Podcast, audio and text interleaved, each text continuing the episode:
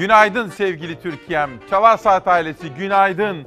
Bugün 6 Aralık 2019 günlerden Cuma. Her birinize önce sağlık diliyorum ve vatandaşlık görevim. Bugün haklardan ve ödevlerden bahsedeceğiz ama önce hava durumu.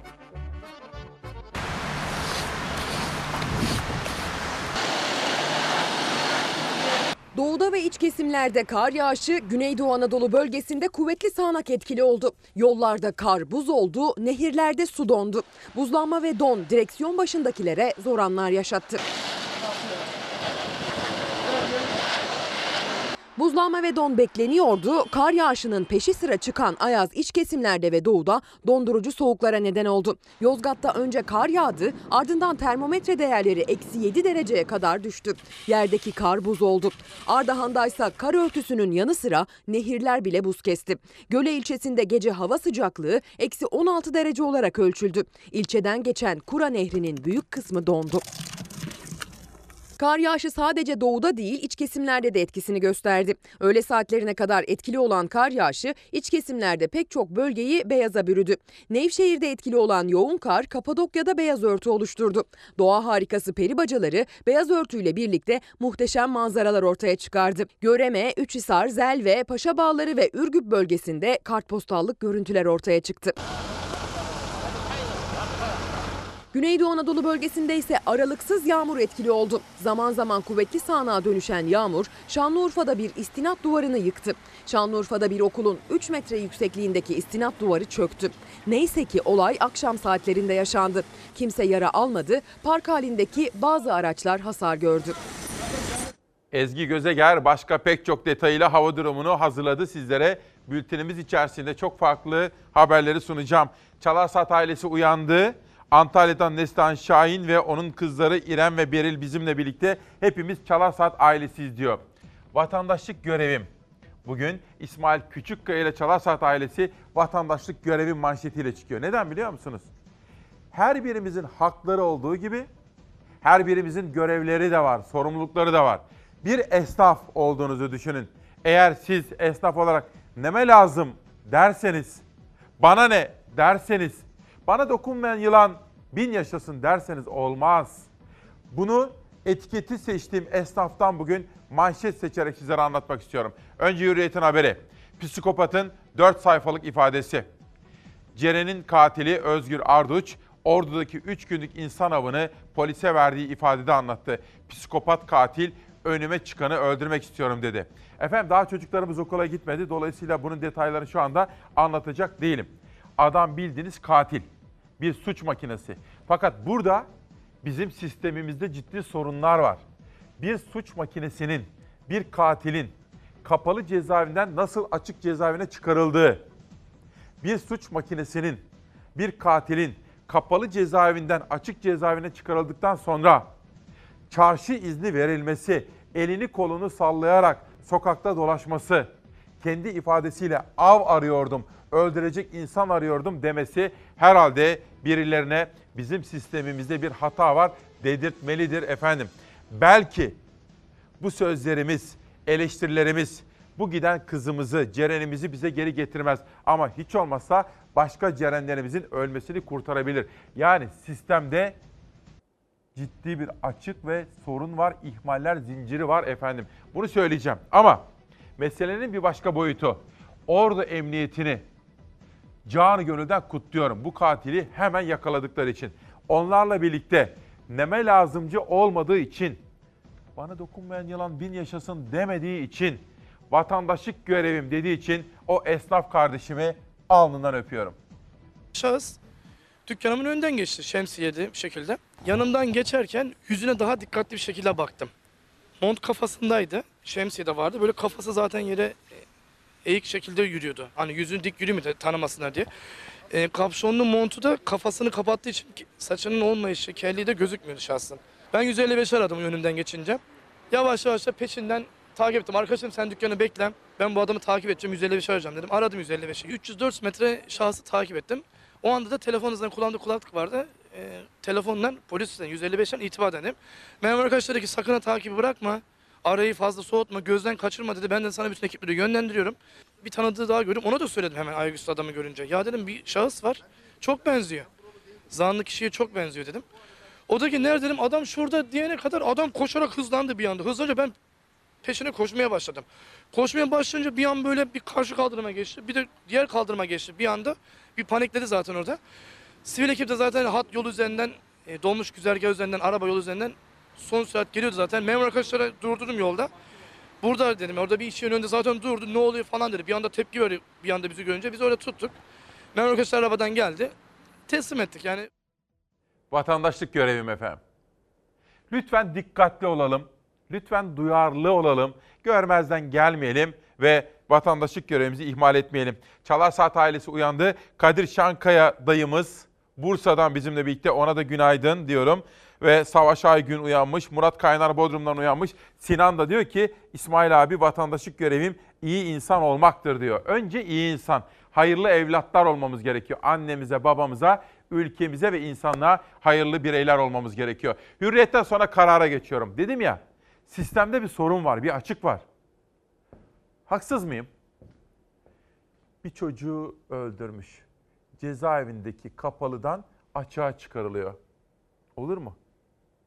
Bir çocuğu öldürmüş. Kapalıdan açığa çıkarılıyor.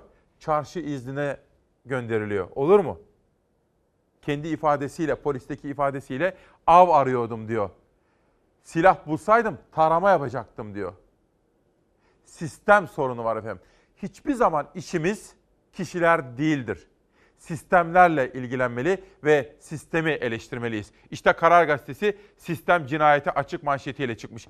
20 yaşındaki bir genç kızın sokak ortasında katledilmesi Türkiye'yi ayağa kaldırdı. Vahşete lanet yağdı. Cani tutuklandı. Ancak dosyasında cinayete teşebbüs bulunan, iki kez firar eden azılı canavarın açık cezaevinde tutulması, üstüne izinli çıkıp can alması asıl sorunun sistemde olduğunu gösterdi. En önemli uyarı hukukçulardan geldi. İnfaz düzenlemesinde katile fırsat tanıyan yapı acilen rehabilite edilmeli diyor. Efendim cezaevi ıslah amaçlı olmalıdır. Bir, cezaevindeki hükümlüleri, tutukluları ıslah edebiliyor muyuz?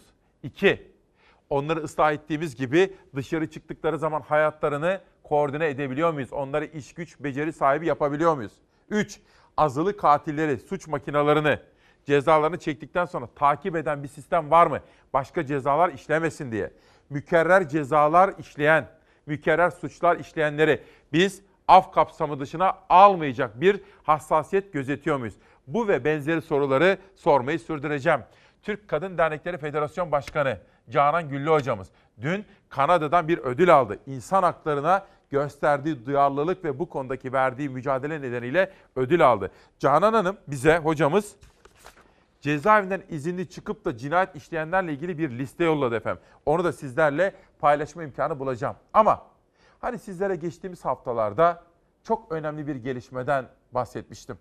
Türkiye'nin Libya ile bir anlaşma yaptığını, bizim âli menfaatlerimizin, Akdeniz'deki haklarımızın, hukukumuzun korunması konusunda o çok önemli anlaşmaya ilişkin hem Türkiye'de bizim parlamentoda hem de Libya'da Libya'nın parlamentosunda son derece hayati bir daha doğrusu iki imza atıldı. Biz Libya'nın resmi yönetimiyle imzalarımızı attık. Şu anda artık Türkiye Libya Akdeniz'de ortak işbirliğine girebilecek noktaya bu anlaşmayla geldi. Türkiye ile Libya arasında imzalanan mutabakat hem Türkiye Büyük Millet Meclisi hem de Ulusal Mutabakat hükümetince kabul edildi. İki ülke kıyıları resmen komşu oldu.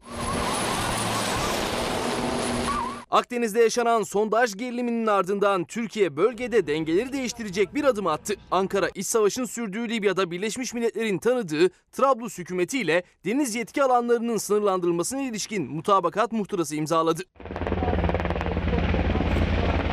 Bu esasen e, Türkiye'nin uluslararası hukuktan kaynaklanan haklarının da muhafaza edilmesi e, anlamına geliyor. Anlaşmayla Türkiye'den Marmaris-Kaş arasındaki hat ile Libya'dan Derne-Tobruk hattı arasındaki bölüm münhasır ekonomik bölge ilan edildi. İki ülke Akdeniz kıyılarını komşu haline getirdi. Türkiye'nin bu adımı çok kritikti çünkü benzer anlaşmayı Yunanistan Güney Kıbrıs Rum yönetimiyle yapmak istiyordu. O anlaşma gerçekleşmiş olsa Türkiye 41 bin kilometre karelik bir deniz alanına sıkışabilirdi. Ankara son hamlesiyle bunu engelledi. Kıta sahanlığında ne yapabileceğine, ne yapmak istediğini ancak Türkiye e, karar verir. Anlaşmayla Türkiye Rum yönetimiyle Yunanistan arasına kalkan oluşturdu. Belirlenen bölgede söz hakkı sadece Libya ve Türkiye'de oldu. Ankara petrol ve doğalgaz arama ve sondaj için ruhsatlandırma yapma hakkına kavuştu. Buraların zenginliklerinin de hakça paylaşılması e, taraftarıyız. Bu e, Kıbrıs etrafındaki rezervler için de geçerli. E, Buna yanaşmayan ülkeler olursa tabii onun, e, onların kendi bileceği. Mutabakat muhtırası Türkiye Büyük Millet Meclisi'ne geldi. Meclis Genel Kurulu'nda oylandı. AK Parti, CHP, MHP ve İyi Partili vekillerin desteğiyle kabul edildi.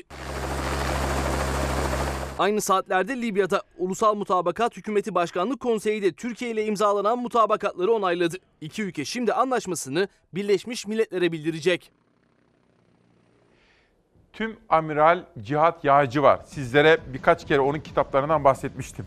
Bu başarının arkasındaki isimlerden bir tanesi de o. Yaklaşık 9-10 yıldır yazdığı kitaplar ve savunduğu tezlerle Türkiye'nin bu Akdeniz'deki haklarını korumasında önemli bir argüman sundu. Uluslararası hukuk kapsamında Cihat Yağcı'ya da teşekkür ediyoruz. Tanımıyorum ama kendisine de bir Türkiye Cumhuriyeti vatandaşı olarak teşekkür ediyorum. Vatandaşlık görevim diyorum. Günaydın ve iyi yayınlar İsmail Bey. Her sabah hastalardan da onlarla ilgilenen doktorlardan, refakatçilerden de bahsediyoruz. Antalya Devlet Hastanesi'nde dün ameliyat oldum. Bu vesileyle şahsınızda herkese selam eder. Bütün hastalara geçmiş olsun derim diyor Necat Batur. Efendim bakın. Canan Güllü hocamız bize cezaevinden izinli çıkıp da suç işleyen ve cinayet işleyen isimlerle ilgili bilgiler gönderdi. Onu da sizlere aktaracağım. Ama karardan sonra Pencere gazetesine geçiyorum. Bakın Pencere gazetesi bugün suç makinesini cezaevinden firara götüren sistem. Ceren Özdemir'in katilinin açık cezaevinden firar ettiğinin ortaya çıkmasıyla açık cezaevlerinin işleyişi tartışma yarattı. Uzmanlar hükümlerin açık cezaevine geçmesi için girmesi gereken testlerin yapılmadığını, iyi hal raporlarının otomatiğe bağlandığını ve dahası kapasitesini kat kat aşan cezaevlerini rahatlatmak için açık cezaevlerinin teşvik edildiğini belirtiyorlar. Uzmanların değerlendirmelerini ortaya koymuş Pencere gazetesi editörleri ve hemen altında şu anda cezaevlerinde 2095 çocuk hükümlü var efendim. Ayrıca cezaevlerine girenlerin sayısı %14 arttı. Aslında bizim büyük bir seferberlik mantığı içerisinde cezaevlerine girenlerle ilgili ıslah çalışmaları ama eğitim, beceri kazandırma, cezaevine çıktıktan sonra onları hayata kazandırma. Ama suç makinesi ise mükerrer suça meyilli ise bunların da takip edilmesi gerektiği konusunda büyük bir çalışmaya ihtiyacımız var efendim. Yani bu konu gerçekten üzerinde sık yönetim mantığıyla ilgilenilmesi, seferberlik mantığıyla ele alınması gereken hassas konulardan bir tanesi. İzinli çıkış cinayetleri. Canan Güllü yolladı bize. Geçen ay İzmir Buca'da cezaevinden izinli çıkan Şehmus Selçuk, sevgilisi Melisa Kalem'i pompalı tüfekle öldürüp intihar etti. Eylül ayında cezaevinden izinli çıkan Emrah Yaşar, Taksim'de üniversite öğrencisi Halit Ayar'ı kendisine para vermediği için bıçaklayarak öldürdü. Eylül'de cezaevinden izinli çıkan Ersin Ü, İstanbul'da eski eşi Kübra T'yi önce bıçakladı ardından kızgın yağ ile yaktı. Böyle devam ediyor bakın. 4, 5, 6, 7, 8, 9, 10. 10 cinayet. Demek ki Adalet Bakanlığı bu meseleyi bütün detaylarıyla incelemeli ve işlemeli. Efendim bugün İsmail Küçükkaya ile Çalar Saat'te kültürden, sanattan da bahsedeceğim. Gönüllülükten de bahsedeceğim. Dün sizlere söz verdiğim gibi Güler Sabancı'nın çok önem verdiği gönüllülük konulu toplantıya katıldım. Ben de katkı vermeye çalıştım. Geleceğe gönüllüyüz. Buradan haberler var. Akşam yine sizlere söz verdiğim gibi Ahmet Güneştekin'in sergisine katıldım. Orada Mahsun Kırmızıgül'le karşılaştım. Onun da yeni filmi vizyona girdi. Kültür, sanat, etkinlikler, kitaplar, edebiyat her türlü manşeti sizlere sunmakla mükellefim. Ama üretici, önce ve evvela üretici. Sizi şimdi Ödemiş'e götüreyim mi? Patates üreticisi için Ödemiş'teyiz. Patates hasadı başladı ancak çiftçi zararına hasat ediyor. Maliyeti 1 lira olan patatesin fiyatı 60 kuruşta kalıyor. Kilo maliyeti 1 lira. 1 liraya aşan yerler var. Ee, aşağı yukarı şu an fiyatlar toprak altı fiyatlar 60 kuruş civarında seyrettiği için çiftçimiz satış yapmamaktadır.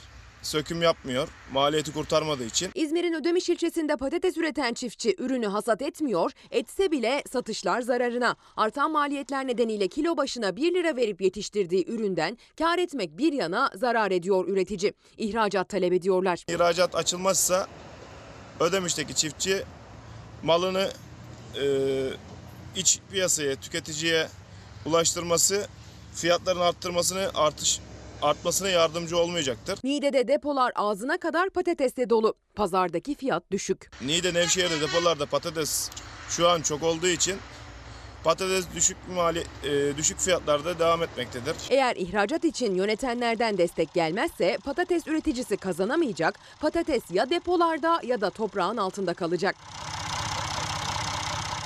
Bugün esnafa ilişkin manşetler var. Seçtim sizler için. Ayrıca üreticiye dair başkaca haberlerim de var efendim. Ve EYT'liler biz hakkımızı istiyoruz diyor. EYT Berin Hanım bir bana yazmış. Emekli olmam için daha 6 yıl beklemem lazım diyor. Efendim kadına yönelik şiddet, çocuk istismarını önlemek, kadın erkek eşitliğini sağlamak, engellerin hayata katılımını sağlamak, yani gerekli altyapıları elde etmek gibi bütün konularda hepimizin gönüllü olması ve vatandaşlık görevim dediğimiz konularda elini taşın altına koyması gerekiyor. Bakın onlardan biri Işın Su Kestelli. Turuncu Dernek Başkanı İzmir'den selam söylüyor sizlere. Özgecan, Aslan, Şöyle Çet, Güleda Cankel ve Ceren Özdemir. Bu konulara dikkat çekiyor. Yaptığı çalışmalardan beni haberdar etmiş Turuncu Dernek Başkanı. Ve Pencere Gazetesi'nden sözcüye geçiyorum. Haram zıkkım olsun diyor. Veli Toprak imzalı bir sözcü manşeti. CHP milletvekili Atilla Sertel, TRT'nin paraları saçmasına böyle dedi, haram zıkkım olsun. Halkın elektrik ve vergilerinden kesilen parayla beslenen ama taraflı yayın yapan TRT'nin harcamaları meclis gündemine geldi, muhalefet sert çıktı diyor. Sözcüden bir haber daha gelsin ama bir dakika. Hani dedim ya, vatandaşlık görevim.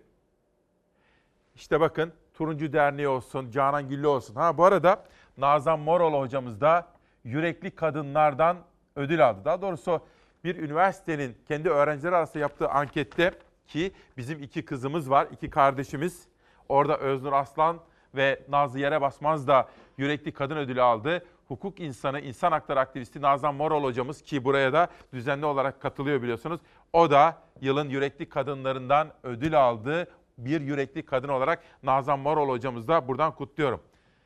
Bir meseleyi gerçekten çözmek istiyorsak 7'den 70'e tepeden tırnağa hepimizin buna katkı vermesi gerekir.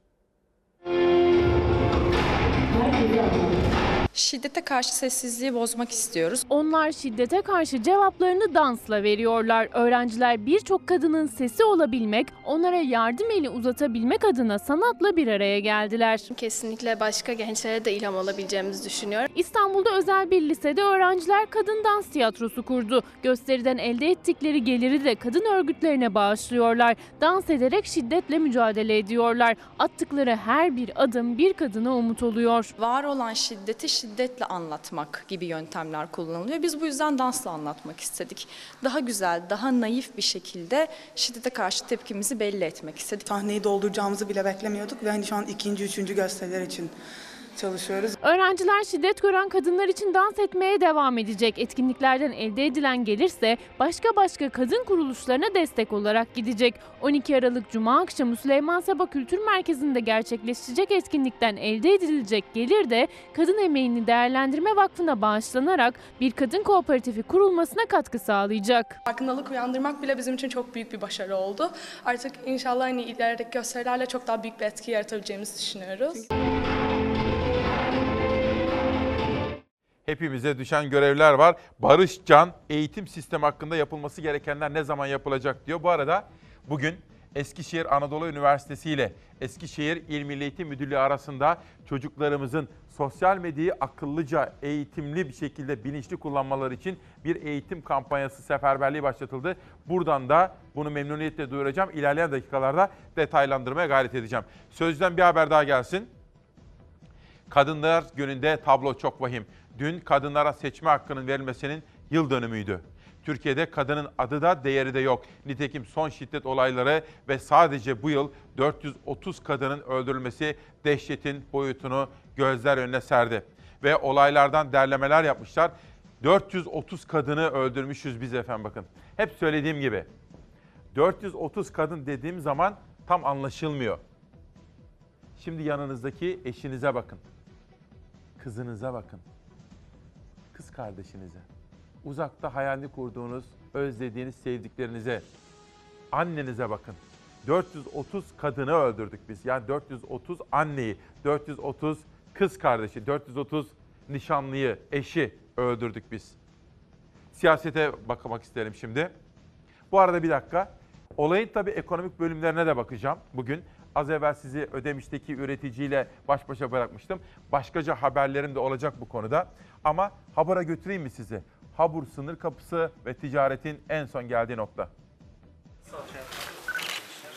İhracatımız %30'a yakın artmış. 2 milyar doların üzerine çıkmış. Barış Pınarı Harekatı'nın başlamasıyla Habur sınır kapısında ihracat artmış, %18 yükselmişti. Bugünse artışın %30'a çıktığı açıklandı. Tabii bu hepimizi gururlandırıyor, sevindiriyor. Ülkemizin geleceği, ülke ekonomisinin geleceği açısından da gerçekten ziyadesiyle mutlu ediyor. Şırnak valisi Ali Hamza Pehlivan Habur sınır kapısında incelemelerde bulundu. Ardından Irak sınırına yakın Özgün köyünde bulunan seraya uğradı. Sera çalışanlarıyla birlikte domates hasadı yapan Pehlivan ihracattaki artışla ilgili bilgi verdi.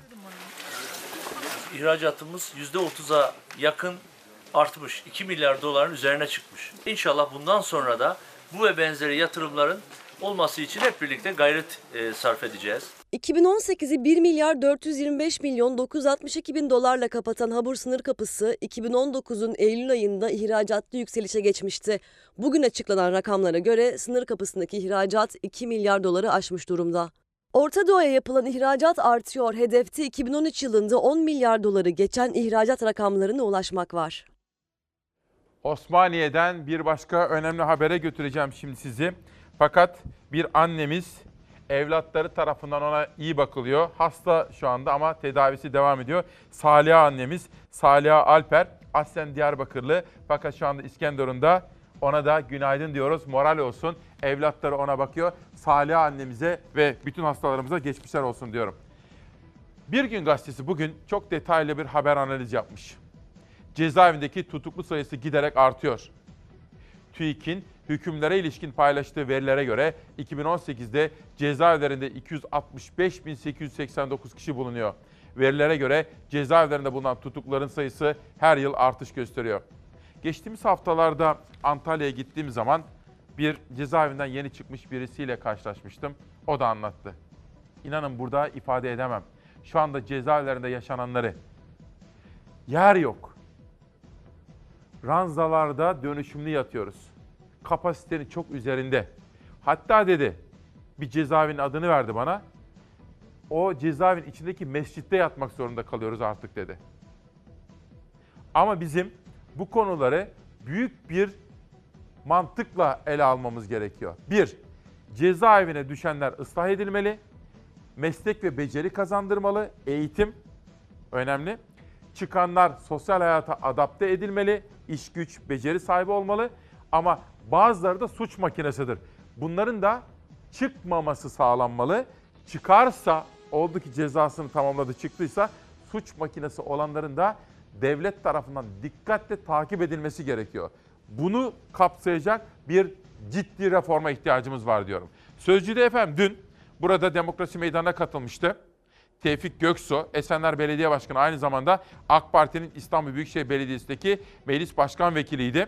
Onunla ilgili haberimiz de Sözcü Gazetesi'nde birinci sayfada yer almış efendim. Çok gündem oldu zaten. Hem sosyal medyada hem de haberlerde. Dün giderken de demişti ki bir kere daha geleceğim buraya demişti. Peki başka ne var? Sözcüde okuyorum. İmamoğlu 2019'un en etkili isimleri arasında seçildi.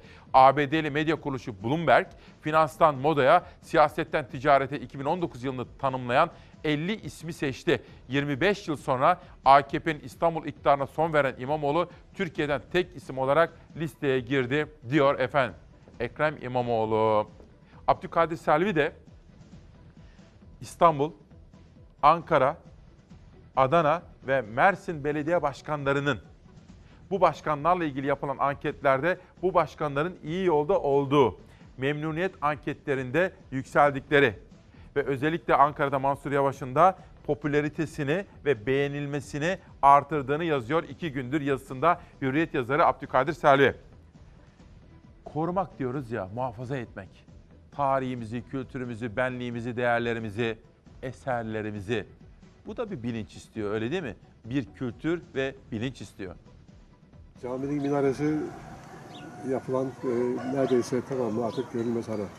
Geçmişi 2000 yıla uzanan tarihi Ana Cami'de bir restorasyon rezaleti var. Çukurova'nın Ayasofya'sı olarak bilinen tarihi camide yapılan restorasyon tepki çekti. İçerideki drenaj boruları yerleştirirken bir kere taban mozaiklerinin birçoğunu yok ettiler. Osmaniye'nin Kadirli ilçesinde bulunan Ala Camii Roma döneminde bazilika olarak kullanılıyordu. Bizans döneminde kilise eklendi. 15. yüzyılda camiye dönüştürüldü. Ana Cami Romalılar döneminde tapınaktı. Bizans zamanında kiliseydi.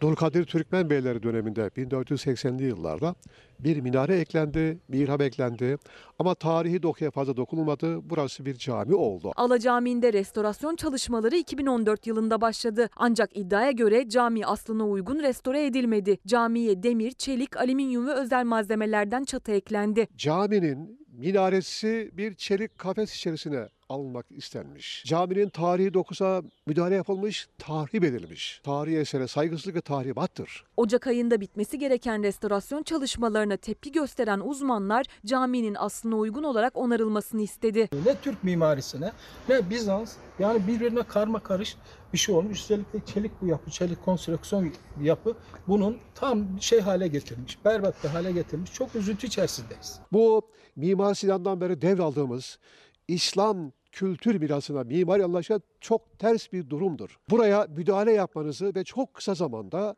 buradaki müdahale sonrası caminin aslına uygun bir şekilde en güzel şekilde onarılıp kamuoyuna açılmasını bekliyoruz. Bugün eğitim diyeceğiz, sağlık diyeceğiz ve termik santraller diyeceğiz, üretici diyeceğiz, cezaevleri ve ıslah çalışmaları diyeceğiz. Her birini sizlerle paylaşacağım. Sözcüden sonra Türkiye Gazetesi'ne geçiyorum. İhlas grubunun gazetesi işte az evvel sizlere verdiğim o önemli gelişmeyi manşet atmış efendim. Adım adım Libya zaferi. Akdeniz mutabakatı meclisten geçti. Batuhan Yaşar'ın haberi. Türkiye'nin hesapları bozup gaz çetesini şoka uğrattığı diplomasi zaferi 10 yıllık emeğin ürünü. Türkiye'nin Libya ile anlaşarak Akdeniz'deki alanı genişlettiği tarihi anlaşma daha önce parlamentoda Dışişleri Komisyonu'na jet hızıyla geçti. Doğu Akdeniz'deki dengeleri değiştiren mutabakat genel kurulda ise iktidar ve muhalefetin uzlaşmasıyla kabul edildi. Libya'nın da onaylamasıyla Batı'nın kirli planı çökertildi diyor yaklaşık 10 yıldır devam eden bir büyük diplomatik akıl ve müzakere sürecinin sonunda gelen başarı. Türkiye Gazetesi'nin manşetinde efendim. Ülkesini en çok seven, ülkesini tanıyandır. Gezip gören ve ülkesinin değerlerini koruyandır. Bilmiyorum Göbekli Tepe'ye gittiniz mi? Dünyanın en büyük piyango ikramiyesinin Türkiye'ye çıktığını düşünün ve bu Türkiye'de de Urfa'ya çıktığını düşünün. Dünyanın en eski tapınağı Göbekli Tepe Şanlıurfa'ya bereket getirdi. Son 3 ayda 1,5 milyon kişi Şanlıurfa'yı ziyaret etti. Otellerdeki doluluk oranı özellikle bu 2019 yılında çok iyiydi. Yani %90'a varan doluluk oranlarıyla çalıştık. İnsanlığın tarih öncesi dönemi Göbekli Tepe ile yeniden yazıldı. Bugüne kadar altısı ortaya çıkarılabilen devasa dikili taşların oluşturduğu anıtsal alanlar Göbekli Tepe'ye dünyanın en eski tapınağı ünvanını kazandırdı. Geçmişi 11.600 yıl öncesine dayanan Göbekli Tepe 2018 yılında UNESCO Dünya Kültür Mirası listesine kabul edildi. 2019 yılı ise Cumhurbaşkanlığı tarafından Türkiye'de Göbekli Tepe yılı ilan edildi. Göbekli Tepe dünya içerisinde Türkiye için bir şans. Urfa'da olması ayrı bir şans ki bu sene onun e, şeyini gördük, meyvesini gördük. Dünyanın konuştuğu Göbekli Tepe sayesinde Şanlıurfa'ya adeta turist yağdı. Göbekli Tepe'yi görmeye gelen yerli ve yabancı turist Balıklı Gölü ve Halfeti'yi gezdi, ekonomiyi canlandırdı. Geçen senelerde e, insanlar Urfa'ya daha çok günübirlik gelmeyi tercih ediyorlardı. Ama bu sene dediğim gibi 2019 Eylül'den sadece bu tarihe kadar 800 bine aşkın konaklama için gelip minimum bir gün iki gün kaldılar. Göbekli Tepe'nin ardından Mardin'in Dargeçit ilçesinde keşfedilen boncuklu tarlada arkeoloji dünyasında büyük heyecan yarattı. Arkamda gördüğünüz kazı alanda Göbekli Tepe'deki bulguları destekleyen hatta ondan bin yıl daha öncesine giden bazı bulgular içeriyor ki bu yönüyle aslında ilk yerleşiklerin inançlı insanlar olduklarını ispatlayan bir bulgu olarak değerlendirmek mümkün. 7 yıl önce başlatılan kazılarda birçok ev, mezar ve tapınak ortaya çıktı. Boncuklarla ilginç bir yerleşim yeri. Milattan önce 11 binlere, 12 binlere giden tabakalarla başlayan bu ilk yerleşik hayat yaklaşık e, 7 binlere kadar milattan önce kesintisiz olarak iskan gördüğünü gösteriyor. Hani cezaevlerine ilişkin haberler, yorumlar yapıyoruz ya Tuncay Bayram da diyor ki cezaevine girerim çıkarım. Bu mantığı değiştirmek lazım. Mükerrer suç işleyenlere ilişkin özel muamele yapılması gerekiyor. Doğru. Hani bir kere hata yaptı, cezasını çekti çıktı o ayrı. Islah edilsin ve hayata katılsın. Ama aynı suçu tekrar tekrar işleyenlere ilişkin Tuncay kardeşim bana bir uyarı mesajı yolluyor. Ahmet Güneştekin'in Hafıza Odası isimli sergisi dün açıldı Plevneli'de. Ben de oraya gittim. Oradan sizlere selamlar getirdim. Batman valisi ve eşi de vardı orada. Batman'ı gösterdiğimiz duyarlılık için bize teşekkür etti. Batman'ı da buradan bir kere daha selamlıyorum. Türkiye'den yeni çağa geçiyorum. Tarihe geçecek büyük fiyasko. Aytun Çıray, Londra'daki NATO zirvesini Macron'a haddini bildiremedik. YPG'yi terör örgütü saydıramadık. Veto edeceğiz dedik, edemedik sözleriyle eleştirdi. Londra'dan elimizin boş döndüğünü, toplantıdan önce yaptığımız bütün açıklamaların boşa çıktığını ve onların her dediğini kabul ettiğimizi ama buna mukabil YPG'nin terör örgütü olduğunu kabul ettiremediğimizi. Yine de bizim daha önce veto edeceğimizi söylediğimiz düzenlemeleri de onayladığımızı söylüyor Aytun Çıray ve bu aslında Türkiye'nin tarihe geçecek en büyük fiyaskolarından biridir diye sözlerini sürdürüyor. Efendim İstanbul'da yaşayanlar bilirler. İstanbul tabii ki güzel, bir dünya kenti ama İstanbul'un büyük bir çilesi var. Trafik.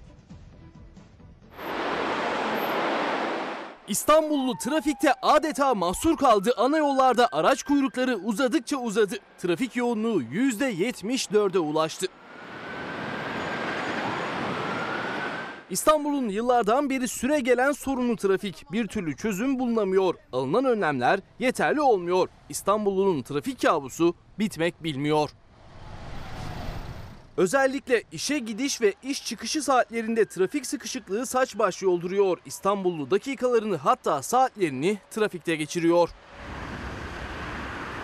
Trafikte kalma süresinin uzaması sadece zaman kaybına yol açmıyor, ülke ekonomisine de zarar veriyor. Trafik yoğunluğu her yıl milyarlarca liraya mal oluyor.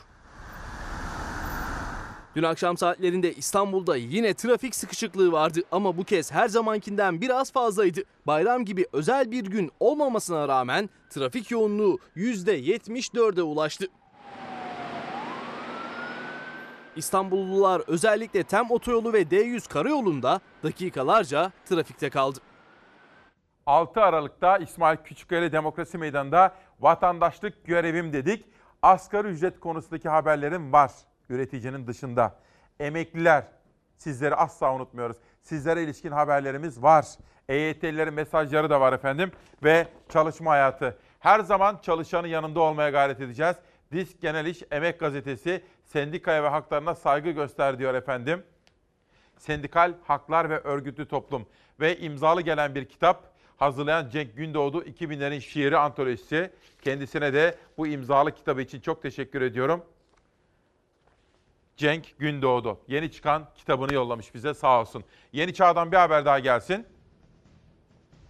TÜSİAD'dan hükümete borç uyarısı. Alarm veren dış borç milli gelirin %62'si gibi daha önce hiç karşılaşmadığımız bir seviyede seyrediyor. Başkan Kaslovski, TÜSİAD'ın başkanı, büyümeye dönülmesine rağmen yatırım ortamının iyileştiğini söylemek henüz mümkün değil diyor. Çünkü efendim neydi? Öngörülebilir bir ülke olmak. Hukukun üstünlüğü konusunda soru işaretinin bulunmaması. Özgürlüklü, özgürlükçü bir ülke olmak. Ve yabancı olsun, yerli olsun yatırımcıların yatırım yaptıktan sonra başlarına hukuk dışı bir şey gelmeyeceğini bilmeleri. Bütün bunlar kalıcı yatırımı çekmek için önemli hususlar. Dün TÜSİAD bunların altını çizdi. Bir haber daha var mı bakalım? Yeni Çağ Gazetesi'nde yoksa bir güne geçelim. Bir gün gazetesinin manşeti. Bir dakika bir hava durumuna gitmek istiyorum. Şöyle bir dışarıya bakalım yönetmenimden rica edeceğim. Günaydın Türkiye'm. Bugün günlerden Cuma 6 Aralık 2019 İsmail Küçükkaya Demokrasi Meydanı'nda. Dışarıda buz gibi bir hava var ama tabloyu görüyorsunuz canlı yayında. Burası Fox'un içinde bulunduğu tarihi binadan Zeytinburnu'na dışarıya baktığımız zaman görünen olağanüstü etkileyici sahne. Efendim şimdi günün ve hafta sonunun hava durumu.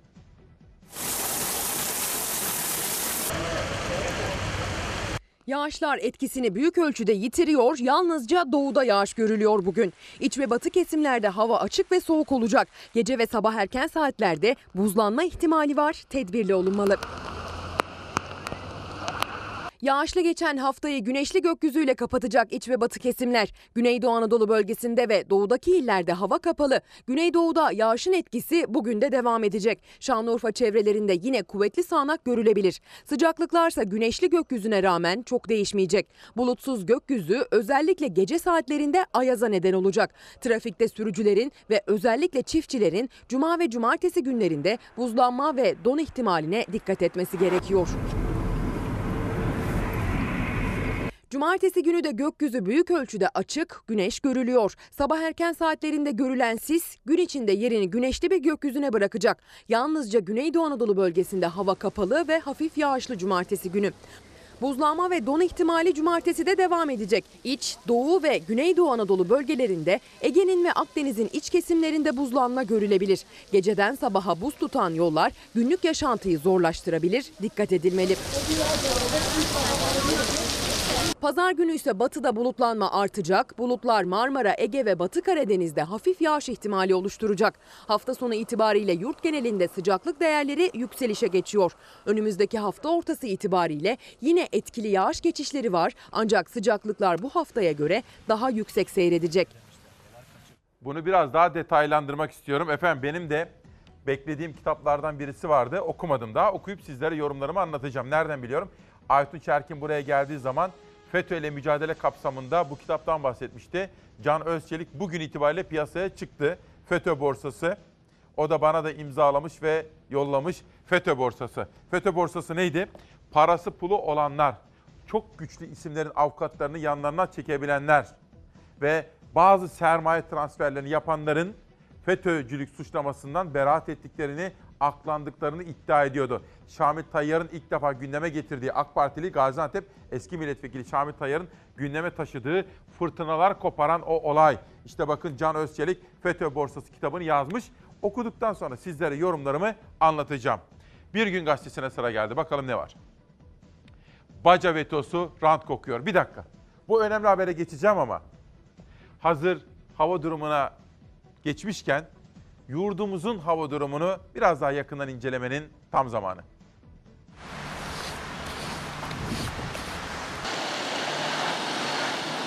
Doğuda ve iç kesimlerde kar yağışı Güneydoğu Anadolu bölgesinde kuvvetli sağanak etkili oldu. Yollarda kar buz oldu, nehirlerde su dondu. Buzlanma ve don direksiyon başındakilere zor anlar yaşattı. Buzlanma ve don bekleniyordu. Kar yağışının peşi sıra çıkan Ayaz iç kesimlerde ve doğuda dondurucu soğuklara neden oldu. Yozgat'ta önce kar yağdı ardından termometre değerleri eksi 7 dereceye kadar düştü. Yerdeki kar buz oldu. Ardahan'da ise kar örtüsünün yanı sıra nehirler bile buz kesti. Göle ilçesinde gece hava sıcaklığı eksi 16 derece olarak ölçüldü. İlçeden geçen Kura Nehri'nin büyük kısmı dondu. Kar yağışı sadece doğuda değil iç kesimlerde de etkisini gösterdi. Öğle saatlerine kadar etkili olan kar yağışı iç kesimlerde pek çok bölgeyi beyaza bürüdü. Nevşehir'de etkili olan yoğun kar Kapadokya'da beyaz örtü oluşturdu. Doğa harikası peri bacaları beyaz örtüyle birlikte muhteşem manzaralar ortaya çıkardı. Göreme, Üçhisar, Zelve, Paşa Bağları ve Ürgüp bölgesinde kartpostallık görüntüler ortaya çıktı. Güneydoğu Anadolu bölgesinde ise aralıksız yağmur etkili oldu. Zaman zaman kuvvetli sağanağa dönüşen yağmur Şanlıurfa'da bir istinat duvarını yıktı. Şanlıurfa'da bir okulun 3 metre yüksekliğindeki istinat duvarı çöktü. Neyse ki olay akşam saatlerinde yaşandı. Kimse yara almadı, park halindeki bazı araçlar hasar gördü. Bir kızımız bana diyor ki Annem bu dünyada sizin sözünüze çok itimat eder. Mücadele etmemiz gerekiyor güzel annem. Hastalıkla uğraştığınızı biliyorum ama pes etmek yok. Her türlü hastalık yenilebilir, artık tedavi edilebilir. Evlatlarınız da sizi çok seviyor, hayırlı evlatlarınız var. Her türlü hastalığı yenebiliriz ama içimizi ferah tutacağız ve bu hastalığı yeneceğimize inanacağız. Umudumuzu her zaman koruyacağız. Uzun yıllardır tanıdığım bir hukukçu.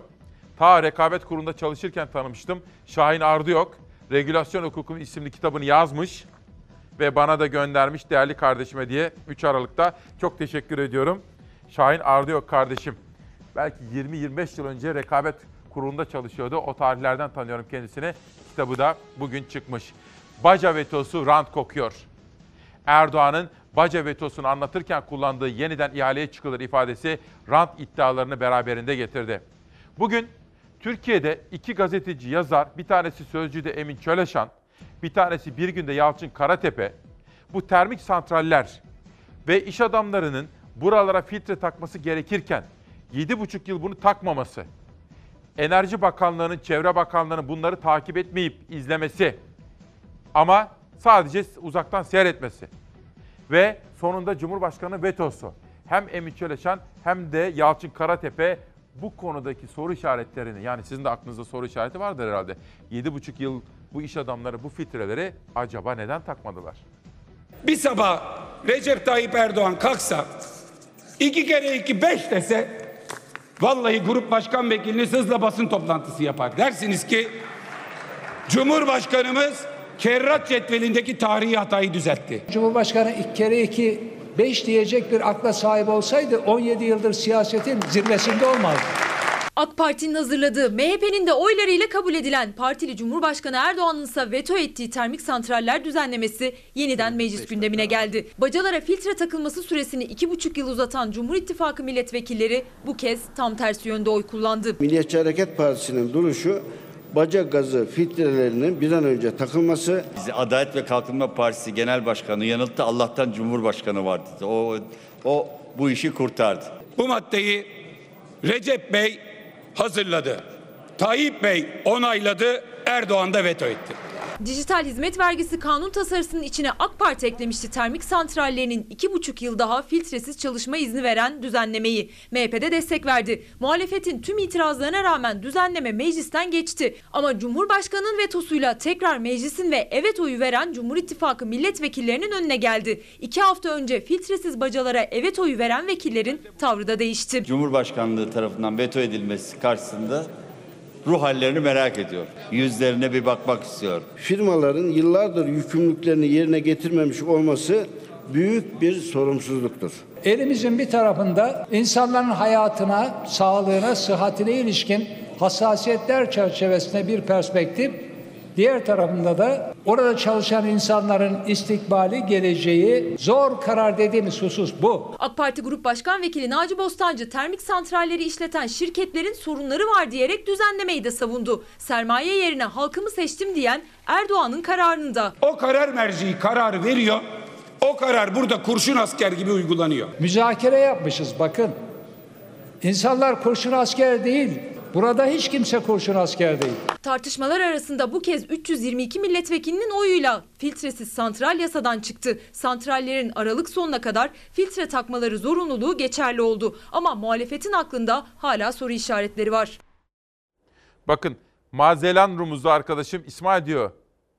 İsmail Can 7 yıldır filtre takılmadıysa orada yaşayan ve sağlıkları tehlike altına alan insanlar neden sesini çıkarmıyorlar? Sorunları neden dava etmiyorlar diye soruyor. Mazel San, vatandaşlık görevim. Sevim, İsmail kardeşim. Bugün gazeteciler içeride.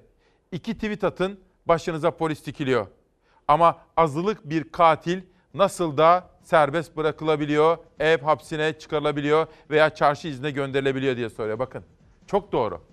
Bugün iki tweet atın. Biraz sakıncalı görülürse hemen polis gelir. Beş tweet atın. Biraz fazla sakıncalı görünürse sizi cezaevine tıkarlar.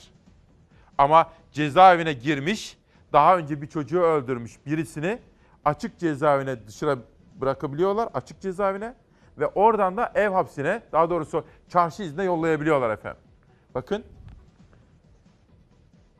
Çok teşekkür ediyorum Sevim Hanım. Çok önemli. Adalet kavramı. Tuna Kiremitçi bir gönül meselesi git kendini çok sevdirmeden devam ediyor diyor. Yeni çıkan kitabıyla bu sabah çalar saatte. Bir günden bir haber daha gelsin. Herkes soruşturulacak Nurcan Gökdemir. AKP'den o hali olağanlaştıran bir adım daha. Anayasa Mahkemesi tarafından iptal edilen güvenlik soruşturması kalıcı hale getiriliyor.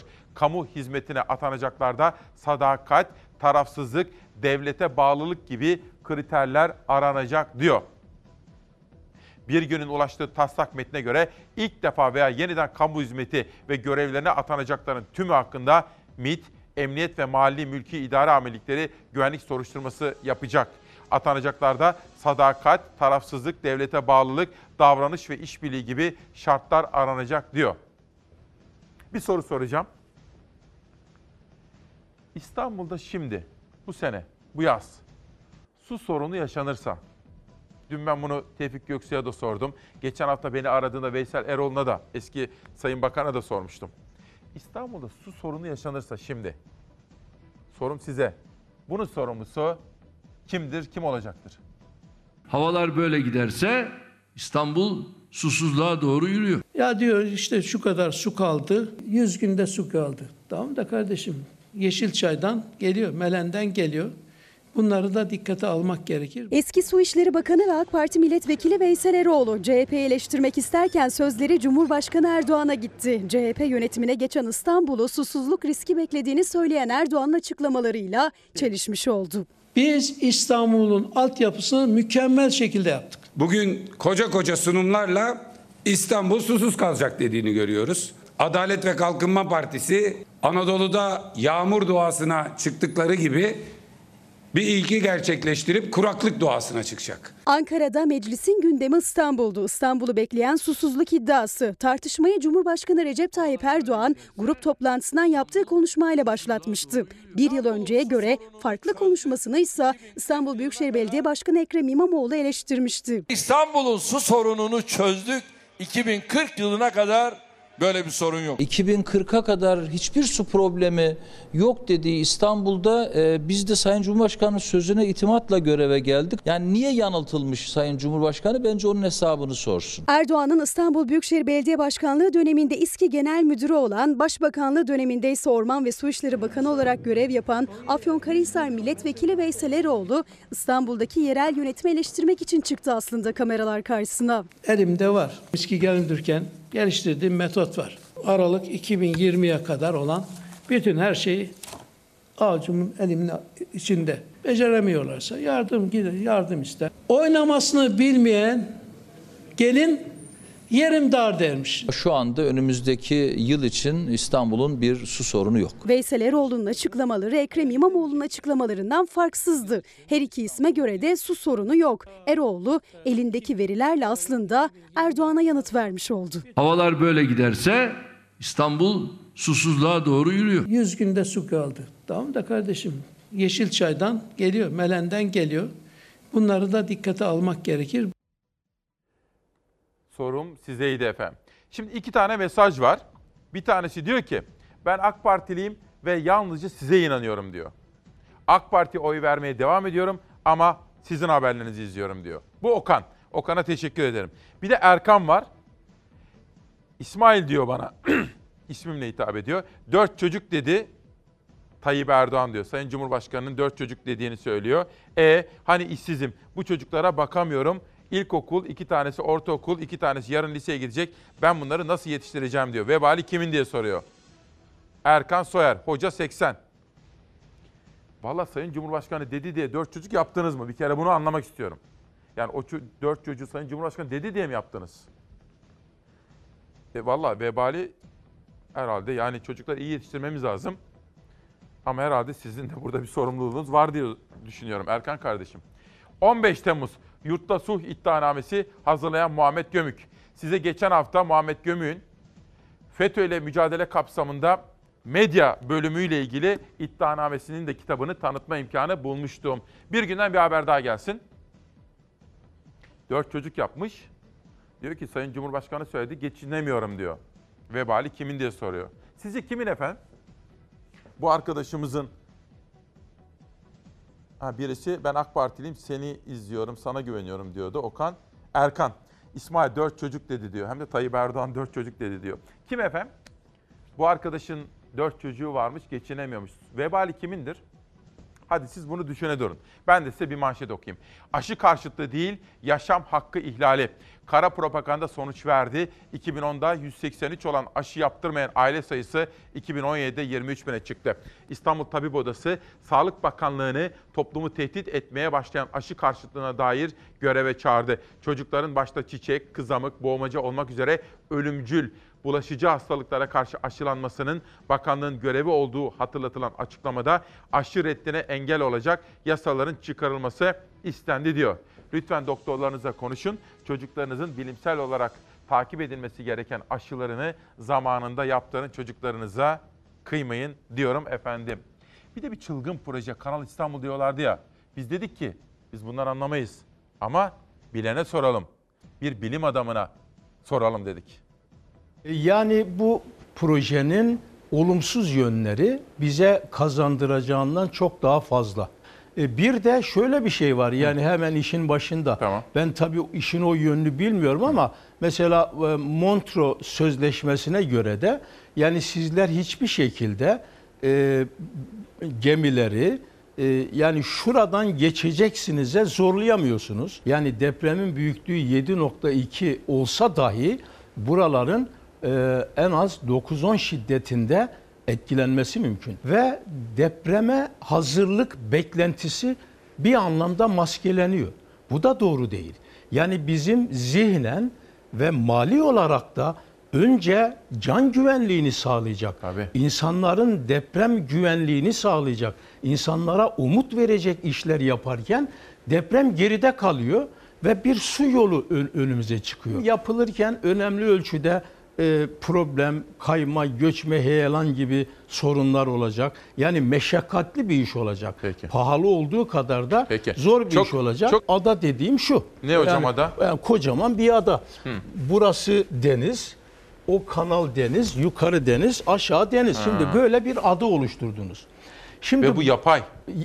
Evet yani şimdi bu ada Türkiye'nin beyni en önemli alanımız. Şimdi siz bu sahayı Trakya'dan bir bakıma izole ettiniz, kopardınız. Şimdi bu stratejik açıdan da doğru değil. Yani kanalı geçmek kolay değil. Yani kimi zamanlar gelir 3 köprü altına yapacağınız diyelim 5 tünel işe yaramayabilir. Yani ulaşım arası e, bak- bakımından, iletişim bakımından, kolay hareket bakımından önünüze bir su yolu engeli bırakmamanız lazım. Bugün e, iyi durumdayız. Yarın Allah korusun. Yani bir harp durumu olabilir. Yunanistan'la bir sorun olabilir. Doğal başka afet bir olabilir. şey olabilir. Doğal afet olabilir. Yani bu her zaman için bir su yolu bir engeldir, bariyerdir. Buradan kolay yol geçiremezsiniz. Neden biliyor musunuz? Bu yollar köprüyle geçmek zorunda. Yer altını şimdi konuşmuyorum. Şimdi bu bu kanal yapılınca buralarda köprüler mi olacak? Kö- e, köprüyle geçmek zorundasınız ve bu köprü bizim bildiğimiz köprü olmaz. Çok yüksek olmalı çünkü büyük e, tankerler geçecek. Hmm. Yani nasıl ki bugün mesela Boğaz'dan büyük tanker geçerken bazen düşünüyoruz asma Evet, köprülerde bile çarpar mı çarpmaz Evet, mı? tabii. Belki o kadar olmayacak ama yüksekliği sınırlayabilirsiniz. Ama büyük viyadüklerin üzerinde bu yolları geçeceksiniz. Bu ekstra para demektir. E, aynı zamanda da bu sahada böyle büyük viyadükler özellikle kıyı kesimlerinde Evet. zeminin çürük olması ve deprem Buralarda. hattına yakın olması nedeniyle de risklidir. Hocamız çok tane tane net ve bilimsel bir gözlükle anlattı. Ülkesini seven, İstanbul'u sevenler hocamızın sözünü dinlerler. İbrahim Rumuzlu bir arkadaşım İsmail Bey doğru düzgün bir insansın besbelli ama bir itirazım var. Günden güne büyüyen bir parti var diyor. Hangi parti? Yeniden Refah Partisi. Valla geçen hafta yani haber oldukça veriyorum da ama geçen hafta randevumuz vardı gelecekti gelmedi Fatih Erbakan. Suç ve günah bizden gitti. Ee, biz tabii haber oldukça yine haber veriyoruz. Onu da söyleyelim. Şükran Yılmaz. Günaydın İsmail Bey. Annem Hatice Güdül sana çok selam söylüyor. Duaları varmış diyor. Her gün her sabah seni izliyor diyor. Şükran Yılmaz'a ve onun kıymetli annesi Hatice Güdül'e de sevgiler selamlar söylüyorum.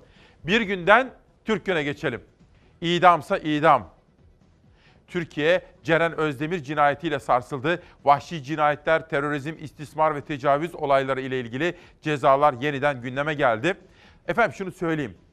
Bakın ben bu konuyu çok sordum. Bütün uzmanlarıyla konuştum, kitaplarını okudum. Çözüm asla idam değil. Çözüm kapsamlı bir reform. Cezaevine girenlerle ilgili onların toplumsal hayata cezaları bittikten sonra uyum sağlamaları, beceri kazandırılmaları, eğitim imkanları, cezaevinden çıktıktan sonra hayata entegrasyonu yani uyumu. Ama bazıları vardır. Onlar suç makinesidir. Onların da medeni modern devletlerde olduğu gibi takip edilmesi cezaevinden çıktıktan sonra. Ama ağır suç işleyenler, mesela kadınları öldürenler, çocuklara kıyanlar, onların idam değil. İdam olsa bir kere ölür. Hayır. Ağırlaştırılmış müebbet vereceksin ki, iyi hal indirimi uygulamayacaksın ki orada tek kişilik hücrede yaşadığı sürece binlerce kez ölsün diyeceksiniz. Yani aslında idam çözüm değil. Ama bu konuda bir sistem sorunu var. Ceren Özdemir'in bu şüpheli bakışı gözü dönmüş katilini durdurmadı. 4 kilometre boyunca takibe devam etti. Suçunu itiraf eden katil Özgür Arduç'un sözleri ise kan dondurdu. Güçsüz kadınları hedef aldığını söyleyen katil birçok kadını öldürmek için takip ettiğini ama kalabalık nedeniyle vahşi planını gerçekleştiremediğini söyledi. Ben sana gelinlik mi giydirdim kızım? 20 yaşındaki üniversite öğrencisi balerin Ceren Özdemir gözyaşlarıyla toprağa verildikten sonra polisin her yerde aradığı zanlı yakalandı. İki polisi de bıçaklayarak yaralayan Özgür Arduç'u önce güvenlik kameraları kaydetmişti. Emniyetten çıkarılırken haberciler tarafından böyle görüntülendi. Tüm Türkiye'nin yüreğini yakan Arduç'a ordular öfkeliydi. Herkesin acısı gerçekten çok büyük. Cezaevinden iki kez firar eden zanlı geniş güvenlik önlemleri altında çelik yelek giydirilerek ve zırhlı araçla adliyeye sevk edildi. İfadesindeki her bir satırsa kan dondurdu. Pişman değilim dedi. Daha çok kişiyi öldürmek için silah almaya çalıştığını ama parası olmadığı için bir iş yerinden bıçak çaldığını söyledi. Memur arkadaş dedi ki sakın ha kaybetme de fazla yaklaşma dedi. Telefonda itibat halim zaten. Dedi ki ben sana memur arkadaşların hepsini göndereceğim. Bütün ekipleri sana yönlendiriyorum. Sen gözden kaçırma dedi. 5 gibi geldi. Çorba istedi bizden. Arkadaş tanıdı. Müdahale ettiler. Hiçbir şey olmamış gibi soğukkanlılıkla ordu sokaklarında gezen katil cezaevinden kaçtığı 3 gün boyunca yaptığı korkunç planları da polise itiraf etti. Katliam yapmak istiyordum. Zıpkın çalmayı da düşündüm ama ancak bıçak çalabildim. Ceren'i caddede gördüm. Farklı noktalarda öldürmek istedim. Ama birisinde yaşlı bir adam çıktı karşıma öldüremedim. Kız az daha beni fark ediyordu. Ben hemen büfeye daldım. Hapisteyken mutlaka birilerini öldürmeliyim diye kafamda tasarladım. Evinin önüne kadar genç kızı takip eden Cani, Ceren zile basıp içeri girince arkasından seslendi. Metin diye birinin oturup oturmadığını sordu. Ceren cevap vermek için döndüğünde de bıçakla saldırdı. İki polisi de yaralayan katil son söz olarak yaptıklarından pişman değilim dedi. Canavarca hisle kasten öldürme suçundan tutuklandı Özgür Arduç. Sosyal medyadaki çirkin paylaşımlar içinde Ordu Cumhuriyet Başsavcılığı soruşturma başlattı. Bugünkü etiketimizi vatandaşlık görevim bu esnaf kardeşimden aldık. O kadar önemli ki bana ne demiyor. Neme lazım demiyor. Bana dokunmayan yılan bin yaşasın demiyor. Hayır. Dikkatli, duyarlı. Bak dikkatli ve duyarlı. Vatandaşlık görevini yerine getiriyor efendim. Onu sizlere biraz daha yakından tanıtacağım. Ama yeni çıkan kitaplar Barış Çunguroğlu Pilates programları ve çalışma kitabı bana onu yollamış. Bir de Sırça Darbesi Esra Dökmen'den imzalı gelen bir başka kitap. Bugün de 15 ayrı kitaptan bahsediyorum. İlerleyen dakikalarda Sabancı'daki Gönüllülük, Geleceğe Gönüllüyüz konferansından ve dün akşamki Ahmet Güneştekin'in sergisinden, orada karşılaştığım Mahsun Kırmızıgül'ün yeni çıkan filminden, kitaplardan ve edebiyattan da bahsetme imkanı bulacağım bugün. Türk Günü'nde bir de esnaf haberi vardı. Bakalım. Rekabette zorlanan esnaf için yeni model. Ticaret Bakanı Ruslar Pekcan, rekabet gücü düşük esnaf için tedarik ve dağıtım kooperatifi modeli oluşturduk dedi. Türkiye'de 49 bin kooperatif var diyen bakan, kooperatif birliklerinin ekonominin büyümesine de katkı sağladığını ifade ederek üreticinin tüketiciye aracısız ulaşabildiği kooperatifler maliyetlerin azalması açısından da büyük önem taşımaktadır diyor. Yani esnaf kardeşim gerçekten zor bir dönem geçiriyor. Dolayısıyla kendileriyle yakından ilgilenmek, esnafın sorunlarını gündeme taşımak en önemli görevlerimizden bir tanesi. Bu esnaf yılın vatandaşı olmalı. Şahıs dükkanımın önünden geçti şemsiyeli bir şekilde. Yanımdan geçerken yüzüne daha dikkatli bir şekilde baktım. Mont kafasındaydı. Şemsiye de vardı. Böyle kafası zaten yere e, eğik şekilde yürüyordu. Hani yüzünü dik yürümedi tanımasınlar diye. E, kapşonlu montu da kafasını kapattığı için saçının olmayışı, kelliği de gözükmüyordu şahsın. Ben 155 aradım önümden geçince. Yavaş yavaş da peşinden takip ettim. Arkadaşım sen dükkanı bekle. Ben bu adamı takip edeceğim. 155 arayacağım dedim. Aradım 155'i. 304 metre şahsı takip ettim. O anda da telefonunuzdan kullandığı kulaklık vardı. E, telefondan polisten 155'ten itibar dedim. Memur arkadaşlar dedi ki sakın takibi bırakma. Arayı fazla soğutma, gözden kaçırma dedi. Ben de sana bütün ekipleri yönlendiriyorum. Bir tanıdığı daha görüyorum. Ona da söyledim hemen ayaküstü adamı görünce. Ya dedim bir şahıs var. Çok benziyor. Zanlı kişiye çok benziyor dedim. O da ki nerede dedim adam şurada diyene kadar adam koşarak hızlandı bir anda. Hızlıca ben peşine koşmaya başladım. Koşmaya başlayınca bir an böyle bir karşı kaldırıma geçti. Bir de diğer kaldırıma geçti. Bir anda bir panikledi zaten orada. Sivil ekip de zaten hat yolu üzerinden, e, dolmuş güzergah üzerinden, araba yolu üzerinden son sürat geliyordu zaten. Memur arkadaşlara durdurdum yolda. Burada dedim orada bir iş yerinin önünde zaten durdu ne oluyor falan dedi. Bir anda tepki verdi bir anda bizi görünce biz öyle tuttuk. Memur arkadaşlar arabadan geldi. Teslim ettik yani. Bravo diyorum. Yılın vatandaşı ödülüne aday gösteriyorum kendisine.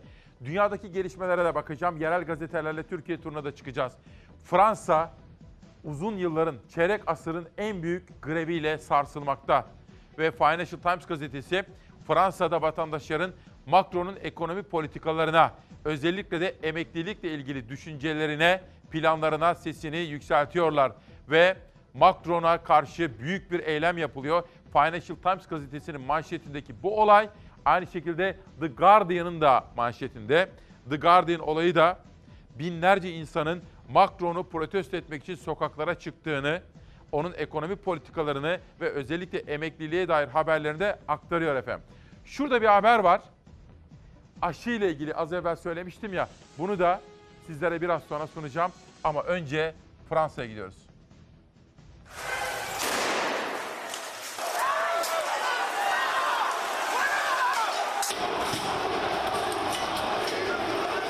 ...800 bini aşkın kişi sokaklara çıktı. Fransa son 25 yılın en büyük grevine sahne oldu. Emeklilik yaşının uzatılmak istenmesi halkı öfkelendirince... ...Fransa'da hayat durma noktasına geldi.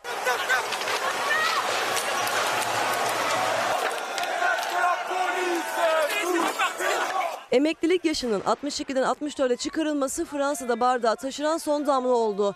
Çok sayıda sektör Macron yönetiminin emeklilik reformunu protesto etmek amacıyla süresiz greve gitti. Başta Paris olmak üzere Fransa'da birçok kentte gösteriler düzenlendi. Polis ve protestocular arasında arbede yaşandı. Polisin plastik mermi ve biber gazıyla müdahale ettiği olaylarda Paris'te 90 protestocu gözaltına alındı.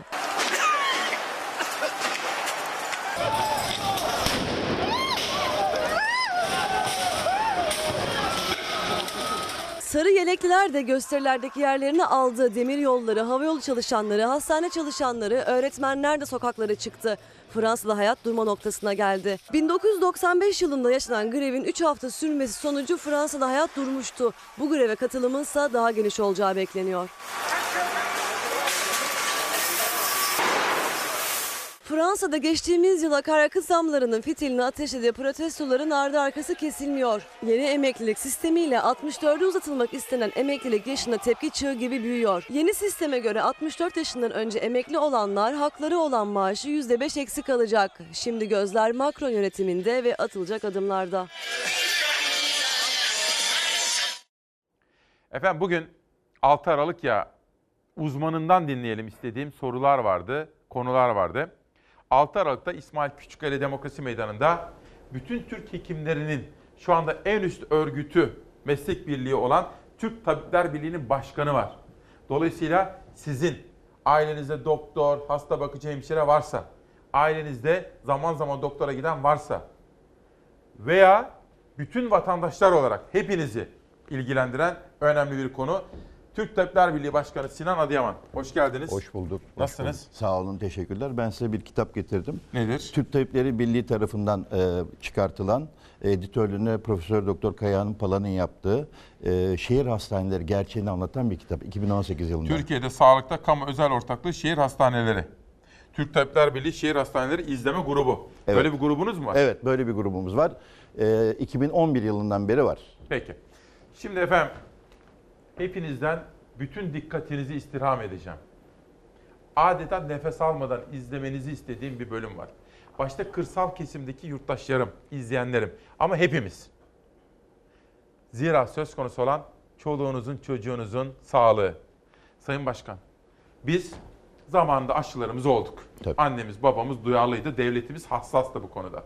Ve bazı hastalıkları tarihin derinliklerine gömdük. Gömdük. Mesela hangi hastalıklar? Polio gömüldü. Tamam. Ee, Su çiçeği. Su çiçeği gömüldü. Kızamık. Ya su çiçeği değil çiçek gömüldü esas. Çiçek. Bütün dünyada erekide edildi Peki. e, çiçek. Ama polio da artık görülmüyordu. Ama Suriyelilerden sonra Bakın. yani oradan göçten sonra bir miktar e, Ve polio gözüküyor. The Guardian'ın 6 Aralık'taki manşeti, bugünkü manşeti bu. Ve kızamık vakalarındaki yükselişten bahsediyor. Ve vaka sayısı artmaya başlamış. Yine bugün Bir Gün Gazetesi aşı karşıtlığı değil yaşam hakkı ihlal ediyor. Kesinlikle. Bunu bize bir anlatın efendim. Lütfen şu aşı meselesini bir usta gözüyle, bir uzman gözüyle, bir doktor gözüyle bize bir anlatın şöyle. Aşı candır bir kere. Önce bizim sloganımız bu Türk Tabipleri. Aşı candır, hayat kurtarır. Dediğiniz gibi e, aşı reddi gitgide yükselmeye başladı. E, 2011 yılında 183 aşı reddi vakası vardı. Ama bugün 2018'de 23 bin aşı reddi var. Yani 23 bin aile çocuklarının aşı olmasını reddediyor. Bunun çeşitli komponentleri var tabii. Birisi muhafazakar kesim hani aşılarda domuz serumu kullanılıyor diyordu ki bu kesinlikle yanlış ve doğru değil. Sağlık Bakanlığı'nın zaten e, e, bildirilerinde de var bu. Yani e, domuz kanı yok. Yani bir de seküler kesim. teorileri var efendim. Bakın Efendim? yok şu devlet, şurası, burası yok. bir- Bunlar tamamen yalan değil mi? Tabii ki. Ben bunları tabii ki. sordum herkese. Tabii ki, tabii ki, tabii. Bir de seküler kesim var, daha entelektüel. İşte biz e, doğal olarak çocuğumuzu korumak istiyoruz. Aşıya gerek yok. Onlar da geri zekalar E, affedersiniz. Yani ben söyleyeyim. Peki. Yani bakın çocuğuna bilimsel olarak kanıtlanmış. Evet. Doktorlar tarafından şu zamanda aşıyı yaptırmanız gerekiyor denilmesine rağmen Evet. entelektüel olduğunu düşünerek ben çocuğumu doğal yollardan koruyacağım diyenler geri zekalıdır. Kimse kusuruma bakmasın. Siz diyemezsiniz de bunu. Tabii ki. Ben gazeteci tabii, olarak. tabii ki. Çünkü ben doğru değil diye Siz söylüyorum. öyle dersiniz Evet. ama ben duygularımı ifade etmek zorundayım efendim. Tabii Yani ki, çünkü aksi tabii halde ki, tabii bu ki. iş böyle olmaz. Bakın. Ne tavsiye edersiniz?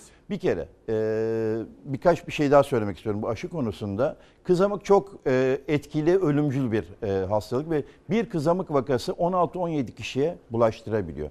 Eğer kızamık aşısı olmazsa bir e, salgın olma haline gelebiliyor. Bildiğiniz gibi Türkiye'de 2013 yılında 7500 kişi 7500 kızamık vakası vardı ve bu bir salgındı.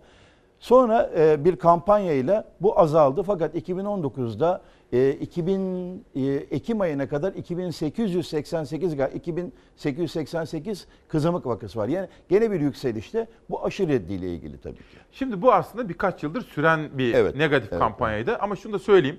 Tam sizin bulunduğunuz yerde iki hafta önce Cuma günü Soner Yalçın vardı. Benim çok saygı duyduğum, dikkatle takip ettiğim bir isim.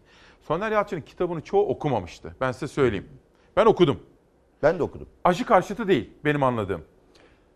Ben Şimdi ben polemik yorum- yaratmak istemiyorum. Polemiğe Bu kadar. Türk girmeyelim. Tabipleri Birliği şahıslarla polemiğe girmez. Biz Heh. bilimsel olarak bir şeylerimizi koyarız. Ben Nedir? yorumumu- Bir, otizm yapıyor diyorlar.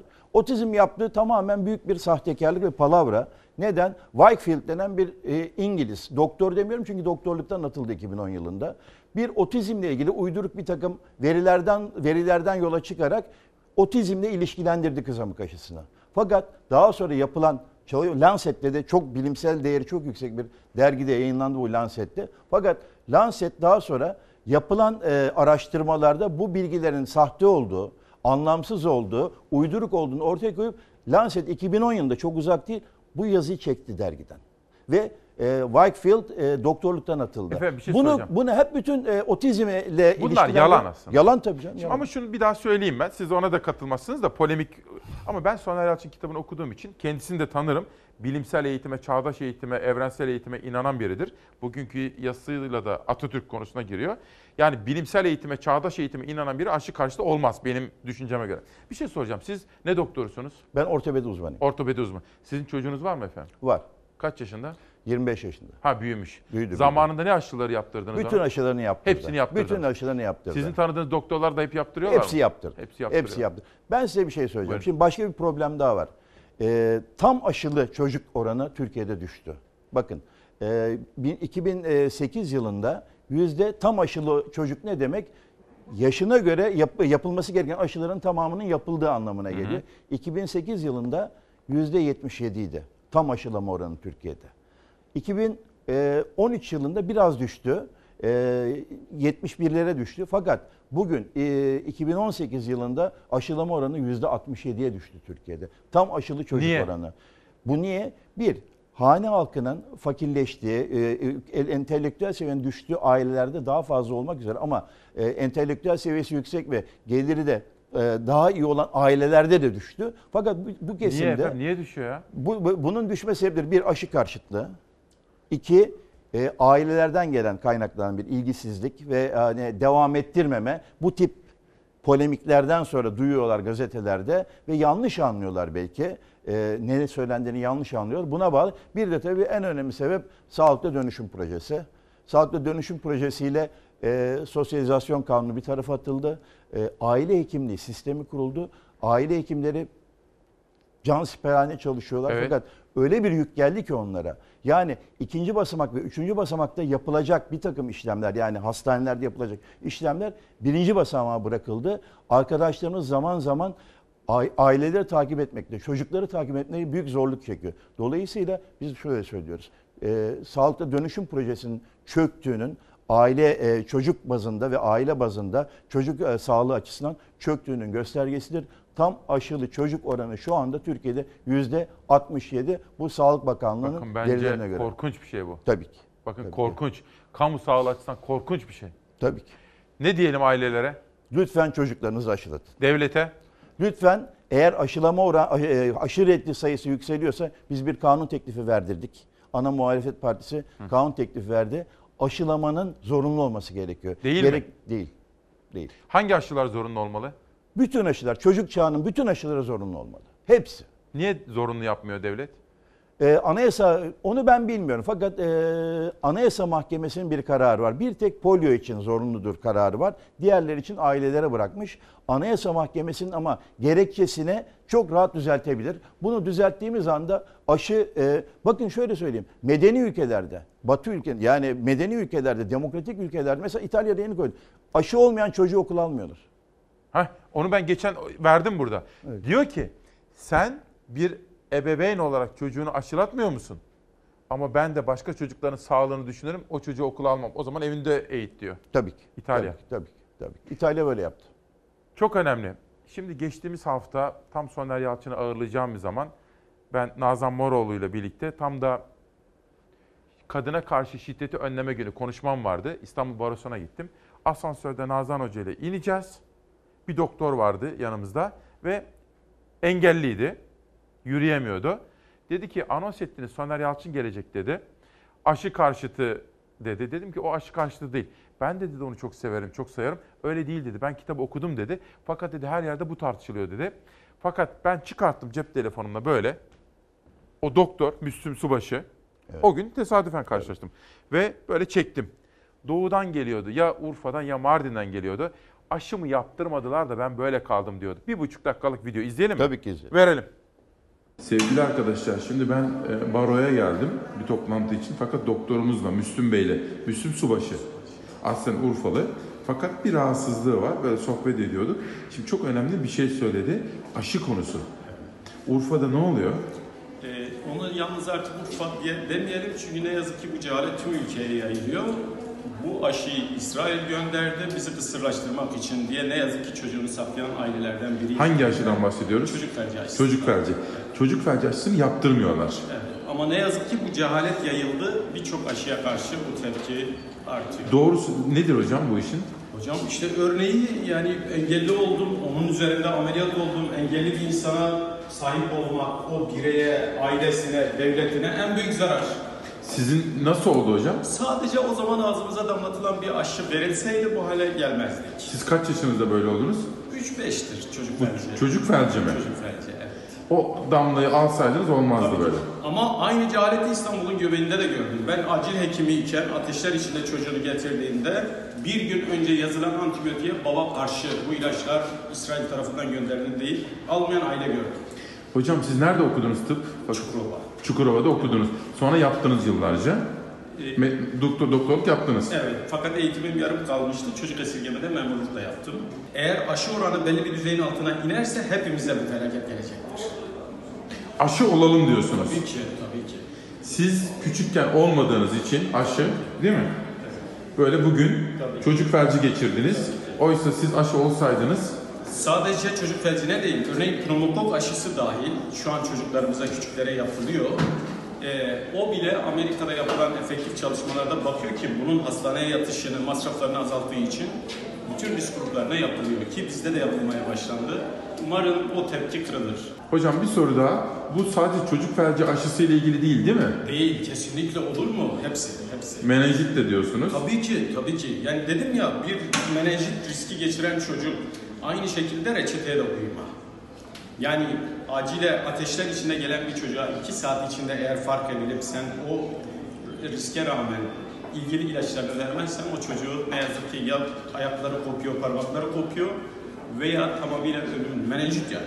Peki ailelere şimdi çok tartışılıyor. Soner Yalçın da bizim konumuz olacak. Dün akşam da televizyondaydı.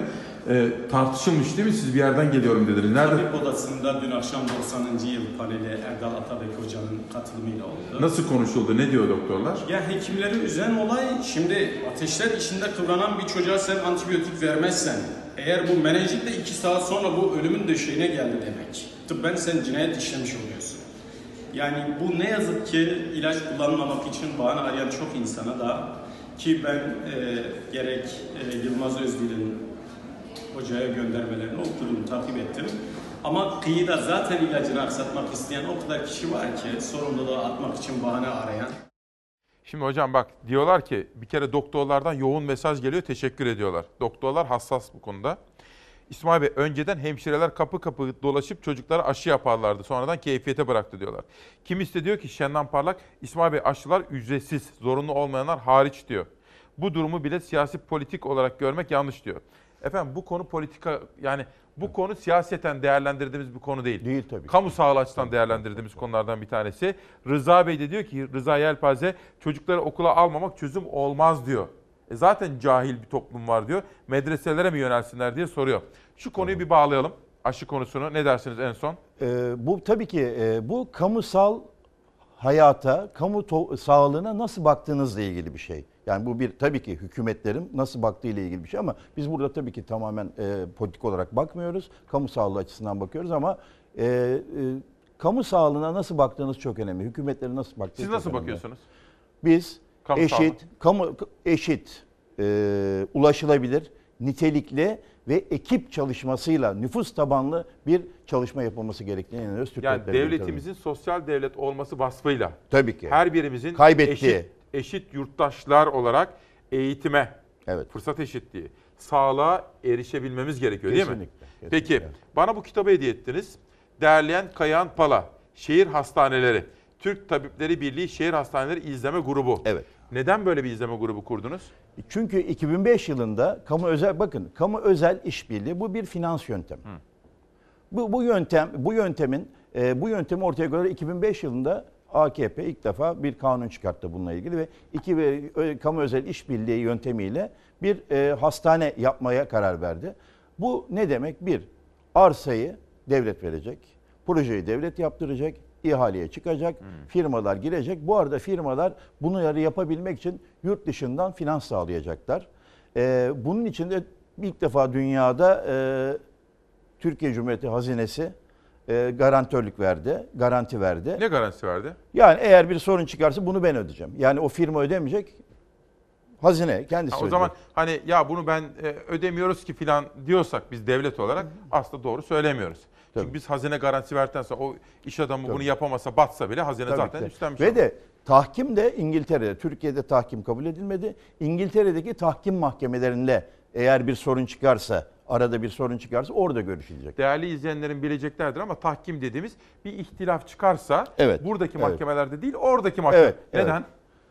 O onu çünkü yurt dışından e, Kredi aldı. kredi kredi verenler e, öyle istediler. Onun üzerine Peki şeffaf mı bu iş? Yani açık mı her şey? Vallahi şeffaf değil. Ee, size şöyle söyleyeyim. Şu ana kadar bu 9 tane hastane açıldı. Bunlara ne kadar para verildiğini tam olarak bilmiyoruz. Tabii ki bir takım e, veriler var elimizde. Biz onlardan bakıyoruz. Maliye Bakanlığı'nın bir takım açıklamalarından, Sağlık Bakanlığı'nın açıklamalarından ama bakın bütçe plan görüşmelerinde muhalefet milletvekilleri e, bir hazine görevlisine sordular. Ne kadar para verdiniz diye. Şöyle söyledi. e, yani bürokrat e, ilgili bürokrat bu dedi ticari sırdır söyleyemem dedi. Şimdi bakın şehir hastaneleri özel mi kamu mu? Hani kamu işte falan. Kamu, kamu değil özel efendim. Mersin'de bir şehir hastanesine Mersin Tabip Odası bir açıklama yapmak istedi bahçesinde. Bununla ilgili. Dışarı çıkart özellik görevlisi. Burası özel mülktür dedi. Düşünebiliyor musunuz? Yani Sağlık Bakanlığı'nın denilen bir hastanede açıklama yapamadı hekim arkadaşlarımız. Yani bu bile ikisi bile bu iki örnek bile bunların artık özel mülk olduğu anlamına geliyor. Bunun yerine ne olmalı? Nasıl yapmalıydı? Bakın bunu daha önce İngiltere denedi vazgeçti. Çünkü korkunç ekonomide büyük bir kara delik ortaya koyuyor. Ben geçen sene gelmiştim bunu biraz konuşmuştuk sizle. Ee, ve bu gitgide ortaya çıkıyor. Dünyada artık büyük devasa hastaneler terk edildi. 200 yataklı 600 yatak arasında hastaneler yapılması gerekiyor ve bunları şehrin belli bölgelerine uydu şeklinde koymak gerekiyor ki erişilebilirliği daha fazla olsun diye. Ve siz şimdi Ankara'da Bilkent Şehir Hastanesi'ni açtınız. Al- Beş buçuk hastane kapattınız. Numune Hastanesi'ni kapattınız. Atatürk Hastanesi'ni kapattınız ki Bilkent Şehir Hastanesi'nin hemen yanında daha 15 yıllık bir hastaneydi. 15 yıl önce bir yıl masraf edip açtınız, şimdi onu Ki kapatıyorsunuz. o hastane bakın bu iktidarın en önem verdiği Tabii amiral gemisiydi. Böyle pilot uygulama gibi Tabii. Recep. Akdağ oradan çıkmıyordu. Tabii ki, tabii ki, tabii ki. İşte dış e, dış kapının çocuk hastanesi kapatıldı. Zekai Tahir Burak Kadın Doğum Hastanesi kapatıldı. Yüksek ihtisas gibi Türkiye'de kalp damar cerrahisine öncülük etmiş bir hastane kapatıldı ve hepsi aynı yere kapatıldı. Şimdi Bilkent Şehir Hastanesi yapıldı. Yolu daha sonra yapıldı.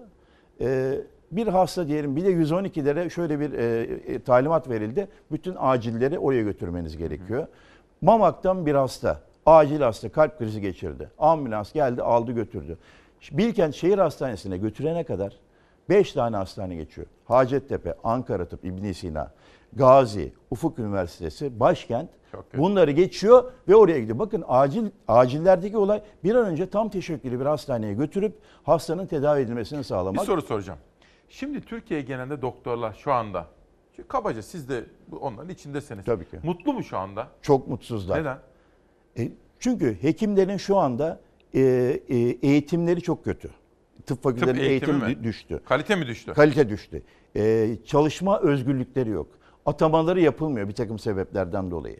E, iş güvencesi yok bir de sağlıkta şiddet çok önemli. Evet. Şiddet görüyorlar ve hekim arkadaşlarımız artık e, Türkiye'yi terk etmeye başladılar. Bize Geçen hafta bir haber vardı. Evet. Yurt dışına ne kadar çok doktorun gittiğini gösteriyordu. Tabii, ne kadar hazin. Tabii, tabii ki, tabii ki. Yani e, biz e, şimdi yurt dışına gitmek isteyenler bizden iyi hal kağıdı alıyor Türk Tabipleri Birliği'ne. Oradan takip edebiliyoruz. En son 990 980 civarında bir hekim arkadaş bu sene Ekim ayına kadar yurt dışına çıkmak için bizden belge aldı. Bir kısmı da belge almadan gidiyor tabii. Büyük bir artış var. Çünkü artık hekimler iş güvencesi istiyorlar. Ee, özlük haklarına, özlük haklarının düzeltilmesini istiyorlar.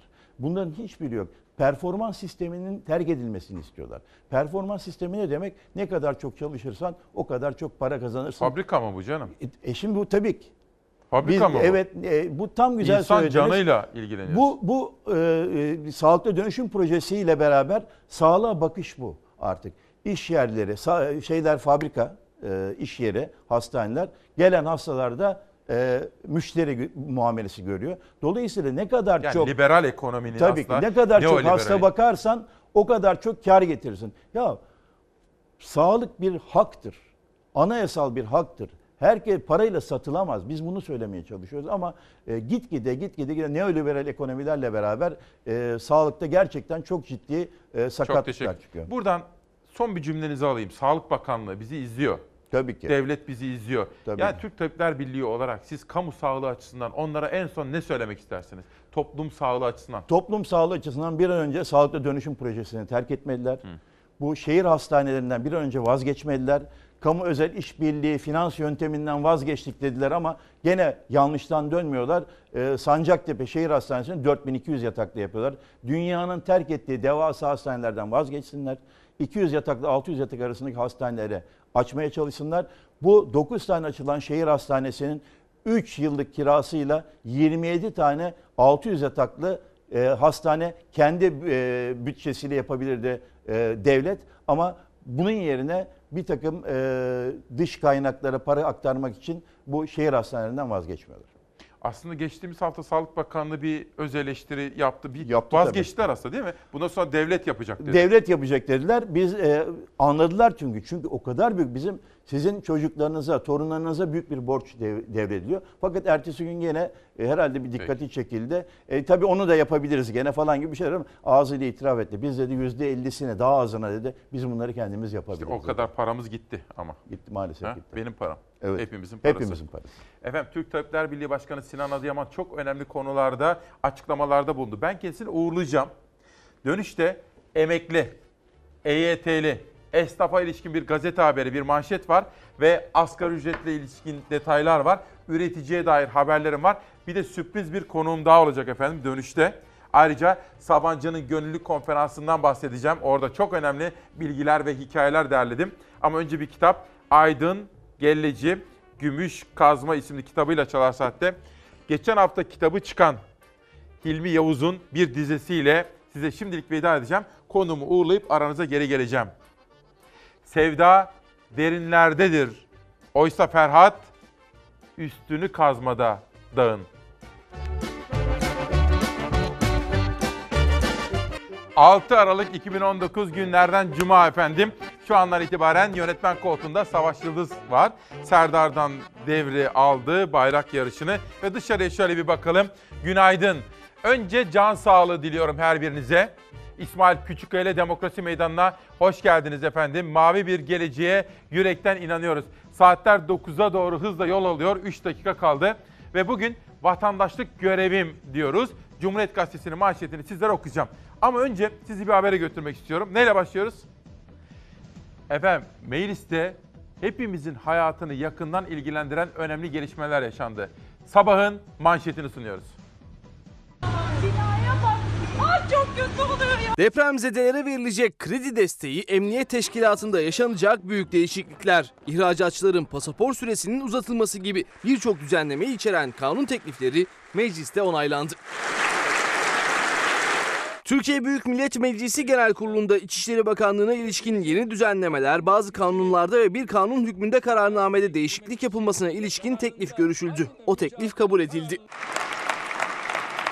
Kabul edilen düzenlemelerle birlikte Denizli, Elazığ, Malatya ve Afyonkarahisar'da deprem sonrası evi, iş yeri zarar görmüş vatandaşlara destek verilmesi ve mağduriyetlerinin giderilmesi kararlaştırıldı. Alınan karara göre ağır ve orta derecede hasar gören afetzedelere kredi desteği sağlanacak.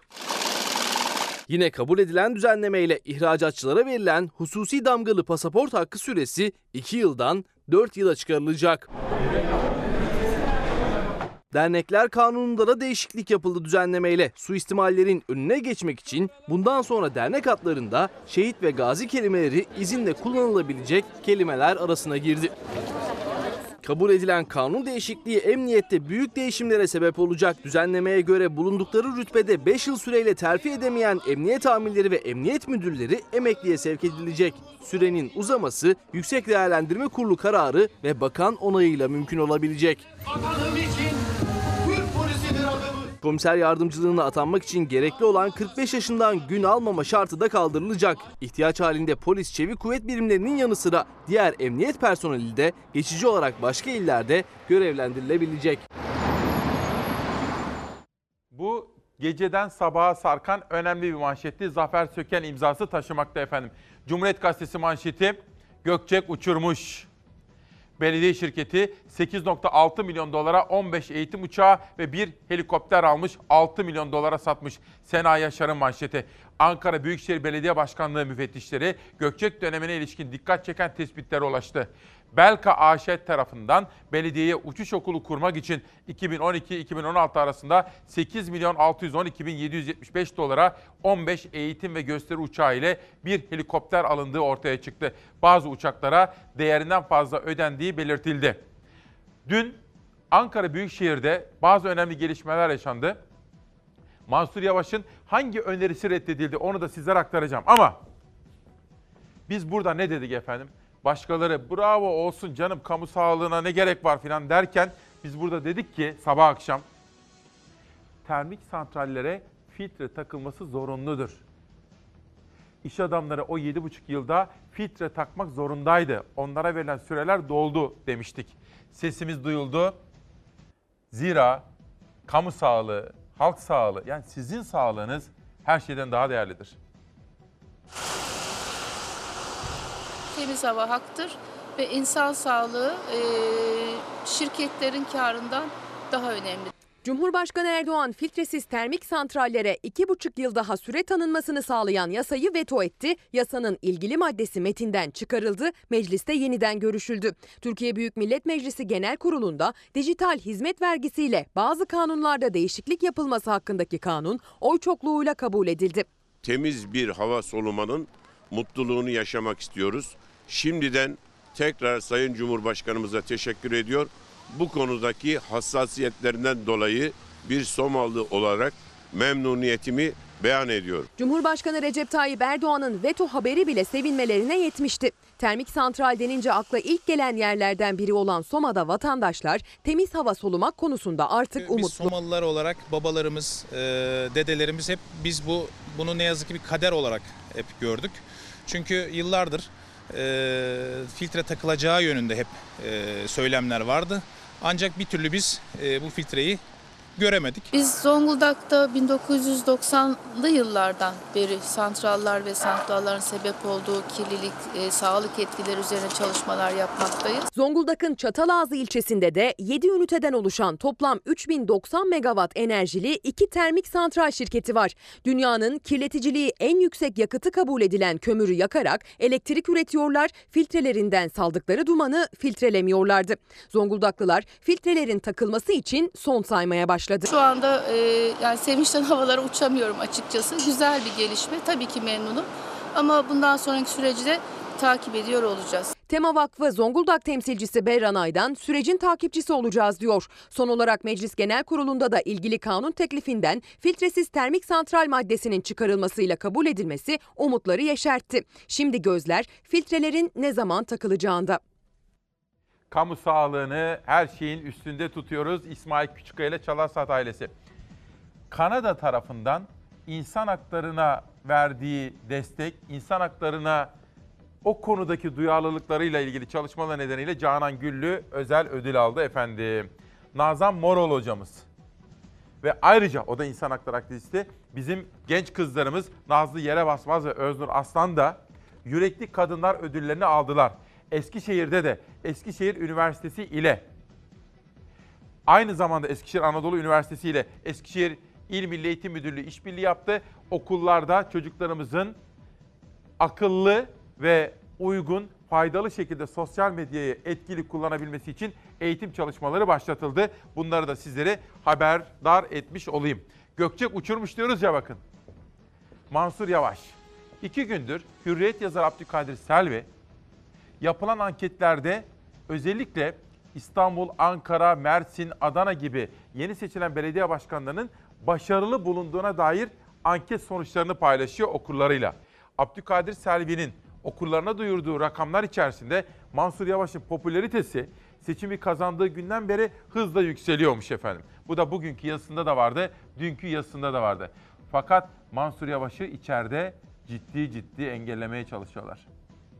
Ankara'nın tümünün sağlığını da ilgilendiriyor. Ankara'da acil yapılması gereken su ve kanal altyapı projeleri acil diyor. Yani normal değil. Daha önceki yıllarda helikopterler, dinozorlar, Anka Park'a yatırılan para nedeniyle bunlar yapılmamış. İvedik, Etimesgut, Sincan temelli Polatlı su iletim hakkı. Aldığımız krediyle bunun ihalesi yapılacak. İhale evrakları hazır. Aydınlık Evler, Mamak, Altındağ, Çankaya, Gölbaşı ana su iletim hakkı. Bir arıza olursa Gölbaşı'na kadar bir ay müddette, iki ay müddette oralar tümüyle susuz kalacak. Kayıp kaçak eskiyen borularla da olur. Kayıp kaçağı kaldırmak için de bu boruların değiştirilmesi gerekiyor. Devlet su işlerinin taşkın riski yüksek 16 yerde önleyici tedbir alınması için Ankara Büyükşehir Belediyesi'ne 2021'e kadar bunu yapın. Yoksa burada büyük afetler olur, sel olur, insanlar ölür. Atık su ve yağmur su kanalları zamanında ayrılmamış. Şehir selleri oluyor, evleri su basıyor ve ölümler oluyor. İstenen kredi Gölbaşı ilçe merkezi atık suların toplanması ve arıtılmasına kullanacaktır. Bunu takdirlerinize sunuyorum. Bunun böyle bütçe fazlasıyla falan alakası yoktur. 8,5 milyar borcun 150 milyonu fazla olsa ne olur, eksik olsa ne olur bu kadar borcun. Oy çokluğuyla reddine karar verilmiştir. Mansur Yavaş'ın işi kolay da değil. PSN 27 rumuzu arkadaşım insanlık onurundan bahsediyor ama mesajın tam olarak ne olduğunu anlayamadım. Onu da söyleyeyim. Özlem Hanım diyor ki ne kadar güzel haberlerde emeği geçenleri tek tek söylüyorsunuz diyor. Tabii görevimiz. Çünkü biz sabah çok erken saatlerden itibaren bütün ekibimizce çalışıyoruz. Biraz evvel işte haberleri de adı geçenleri söyledim. Bugünkü etiketimiz vatandaşlık görevim. Bu da danışmanımın bana tavsiyesi. Dün haberler üzerinde çalışırken Nihal Kemaloğlu söyledi. Dedi ki vatandaşlık görevim olur dedi. Zeray Kınacı ve bütün haberci ekibimle birlikte hazırladığımız bu özel sabahta işte bir de kitap tanıtalım. Pera Palas'ta gece yarısı Modern İstanbul'un doğuşu. Charles King'den bir kitap Modern İstanbul'un doğuşu. Gazete manşetlerine devam ediyorum. 7.15'ten itibaren üzerinde durduğumuz temel konulardan bir tanesi Posta Gazetesi. Niye bıraktınız? Önce posta arkadaşlar. Bu nasıl oldu? Karıştı işler. Ceren'in anısı için bir dileğimiz var diyor. Yaşasaydın bugün 21. yaşını kutlayacaktın. Ne yazık ki ne yazık ki seni koruyamadık. Bir çocuğu kasten öldürmeye teşebbüs eden ve 20 yıl hapis cezası alan Cani'yi izinli olarak sokağa saldık ve firari olduğu halde sana saldırmadan yakalayamadık.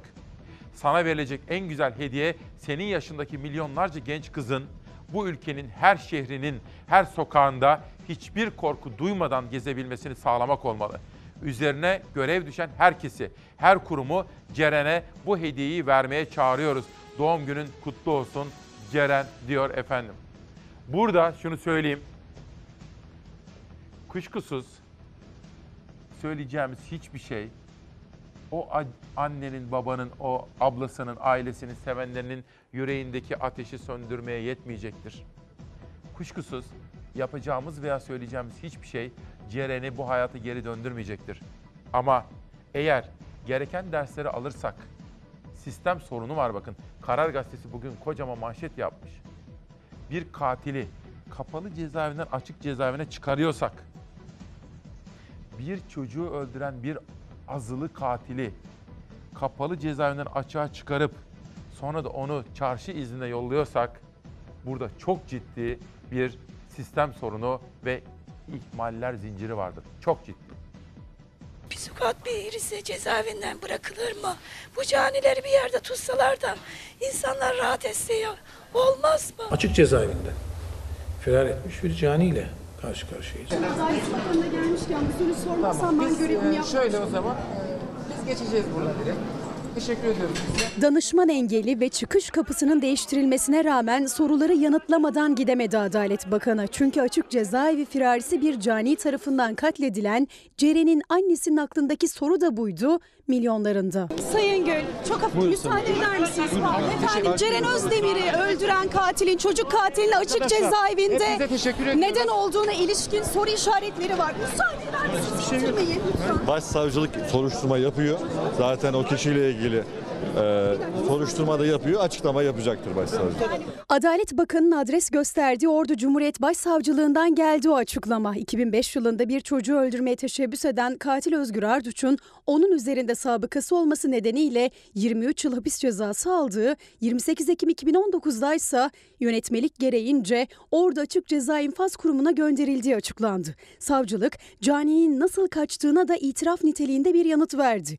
Açık Ceza İnfaz Kurumları, firara karşı engelleri ve dış güvenlik görevlisi bulunmayan kurumlardır denildi. Açık cezaevinde firar etmiş bir caniyle karşı karşıyayız. İçişleri Bakanı'nın sözlerinde de aslında bu ihmale ilişkin mesajlar vardı. Daha önce de kaçtığı halde açık cezaevine konmuş bir caniydi. Bu tip firar, firari olaylar söz konusu olabilir. Yani bizim görevimiz bu tip firari olaylar sonrası bunları anında yakalayıp tekrar var olan yerine iade etmek. E bunu e, yaptığımız oluyor, yapamadığımız oluyor. İçişleri Bakanı Süleyman Soylu Ankara'da, Adalet Bakanı Abdülhamit Gülse İstanbul'da kameralar karşısındaydı. Üstü kapalı cümlelerle Adalet Bakanı adalet sistemini eleştirdi. Zalimce cinayetlerin ardından görülen davalarda ihal gibi soyut değerlendirmelerle canilere ceza indirimi yapılması da vicdanları yaralamaktadır. İhal, açığa ayırma gibi konular bakanlığımız ve tüm uygulayıcılar, tüm akademisyenlerle çalışma yapılan bir diğer konudur. Cinayetten yargılanan cezaevinde açık, açıkta yatıyorsa da bunlara niye kelepçe takmadılar madem firar etti? Firar edeceğini bilmiyor musun sen? Acılı ailenin de anlayamadığı firarın kolay olduğu açık cezaevlerine ağır suç işleyenlerin ve daha önce kaçanların belli bir süre dolunca ya da iyi hal raporuyla geçiş yapabilmeleri. Bakan çalışma yapılıyor dedi ama meclisin gündemine gelecek mi bu düzenleme belirsiz. Sorular da yanıtsız. Açıklama yapmıyoruz. Soru sormasam ben görevimi Biz, e, şöyle olsun. Biz kürsüden gereken mesajımızı verdiğimizi düşünüyoruz bugün için. Buna ilişkin soruşturma başlatıldı diyebilir miyiz? Tabii ki, tabii ki. Zaten firar etmiş, aranıyormuş. Cezaevlerine ilişkin düzenleme olacak. Çok açık bir ihmal yok mu efendim? Siz söyleyin. Nasıl bırakırlar ya bir katili çarşı iznine? Açık cezaevine. Nasıl? İzmir'den bir mesaj. Turuncu Dernek, Işın Su Kestelli. İzmir'den sevgi ve selamlar diyor. Ve kadına şiddet konusunda kadın cinayetlerini bu vahşeti durduralım diyerek cumartesi günü turuncu konuşmalar paneli varmış. Pazar günü de saat 14'te turuncu bayraklarımız, turuncu giysilerimiz ve sloganlarımızla Cumhuriyet Meydanı'nda, Gündoğdu Meydanı'nda yürüyeceğiz. Ve sizin aracılığınıza kadına yönelik şiddete hayır diyen herkesi davet etmek istiyoruz. Çok izlenen programınızda duyurursanız diyor Işın Su Kestelli. İzmir'de pazar günü turuncu yürüyüş var efendim. Posta gazetesinden sonra esnaf haberine geçiyorum korkusuza. Esnaf patır patır dükkan kapatıyor. İşte Türkiye'nin gerçek sorunlarından birisi daha. Ekonomik kriz öyle bir vuruyor ki bu yılın ilk 11 ayında iş yeri kapanışları %6.2 arttı. Kepenk kapatan dükkan sayısı 110.959'a ulaştı. Siftah bile yapamayan esnafın hali işler acısı diyor. Ve gazetenin sayfalarında TESK Başkanı yani Türkiye Esnaf Sanatkar Konfederasyonları Başkanı Bendevi Palandöken'in verdiği bilgiler ve yapmış olduğu açıklamalar da var. Bugünlerde bir maraton daha var. Asgari ücret maratonu. Yani her birimizin en azından insanca yaşaması için ne kadarlık minimum gelire sahip olması gerektiği. Bir kişinin yaşam maliyeti 2578 lira. Bu rakamın yanında yahut altında bir şey olursa o masada oturmayız. O masada bulunmayız. Asgari ücretin net 3200 lira olması gerektiğini söylüyoruz. İşçi sendikaları asgari ücret için güçlerini birleştirme kararı aldı ama onların rakamları arasında bile en az 600 liralık fark var. Türk İş res çekerek pazarlık için alt sınırı tekrarladı. 2578 liranın altına düşerse yokuz dedi. Elimizde bir veri var. Yoksulluk sınırı var. Açlık sınırı var. Bir de bir kişinin yaşam maliyeti var. 2578 lira. Bir evde, bir hanede iki kişi çalıştığında en azından bir yoksulluk sınırı kadar bir ücret o eve girebilsin diyoruz. Ve milli gelir artışını hesaplıyoruz ve bunun üzerinden de 2020 yılı için asgari ücretin net 3200 lira olması gerektiğini söylüyoruz. 8,5 milyon asgari ücretlinin gözü kulağı pazarlık masasında. 2019'da %26 zam almıştı asgari ücretli. 1603 lira olan maaşı net 2020 lira olmuştu. 2020 yılı içinse kapıyı 2578 liradan açtı Türk İş. Bu da asgari ücrete %27,6 zam demek. Bunun kararını asgari ücret tespit komisyonu verecek. Diskin, Akşin yöneticileriyle beraber ortaklaşa konuşacaklar. Bu rakamın üstünde bir pazarlık yapacaklar.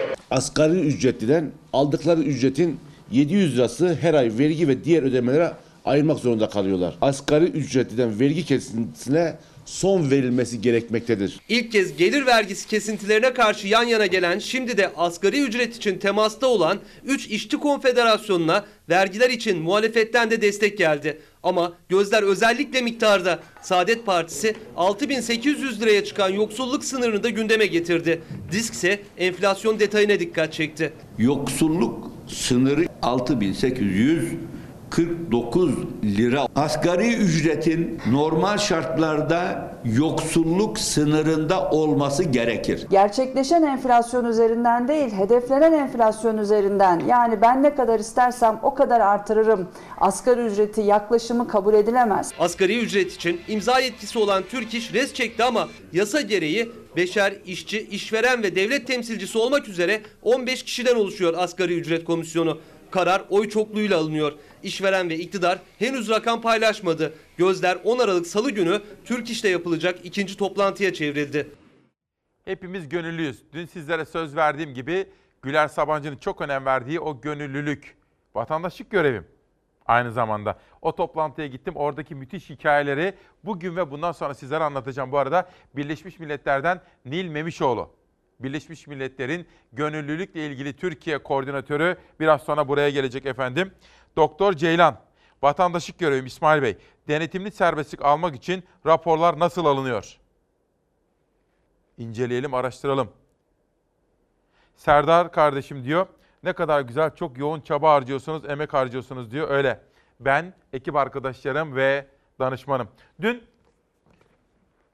Dün bir ziyarete gittim bir arkadaşımı, Serdar isimli bir arkadaşım var. Onun yanında Davut Bey vardı, Davut Dişli. Bu çalışmadan, emekten bahsediyordu. Hazreti Ali'nin bir sözünden bahsetti. Kader gayrete aşıktır dedi. Bu çalışma, emek, alın teri bunlardan bahsediyorduk. Hazreti Ali'denmiş bu söz. Bunu ilk defa duydum. Kader gayrete, emeğe aşıktır efendim. 6 yüzyılın izinde Kadir Beyoğlu Ataç ailesi Ayşe Serbülent Ataç Elveren. Bu da bir aile çalışması bizimle birlikte. Esnaftan sonra geçelim bir başka gazetenin manşetine gün boyu. Burada heh, dün işte gönüllülük günüydü dünya çapında.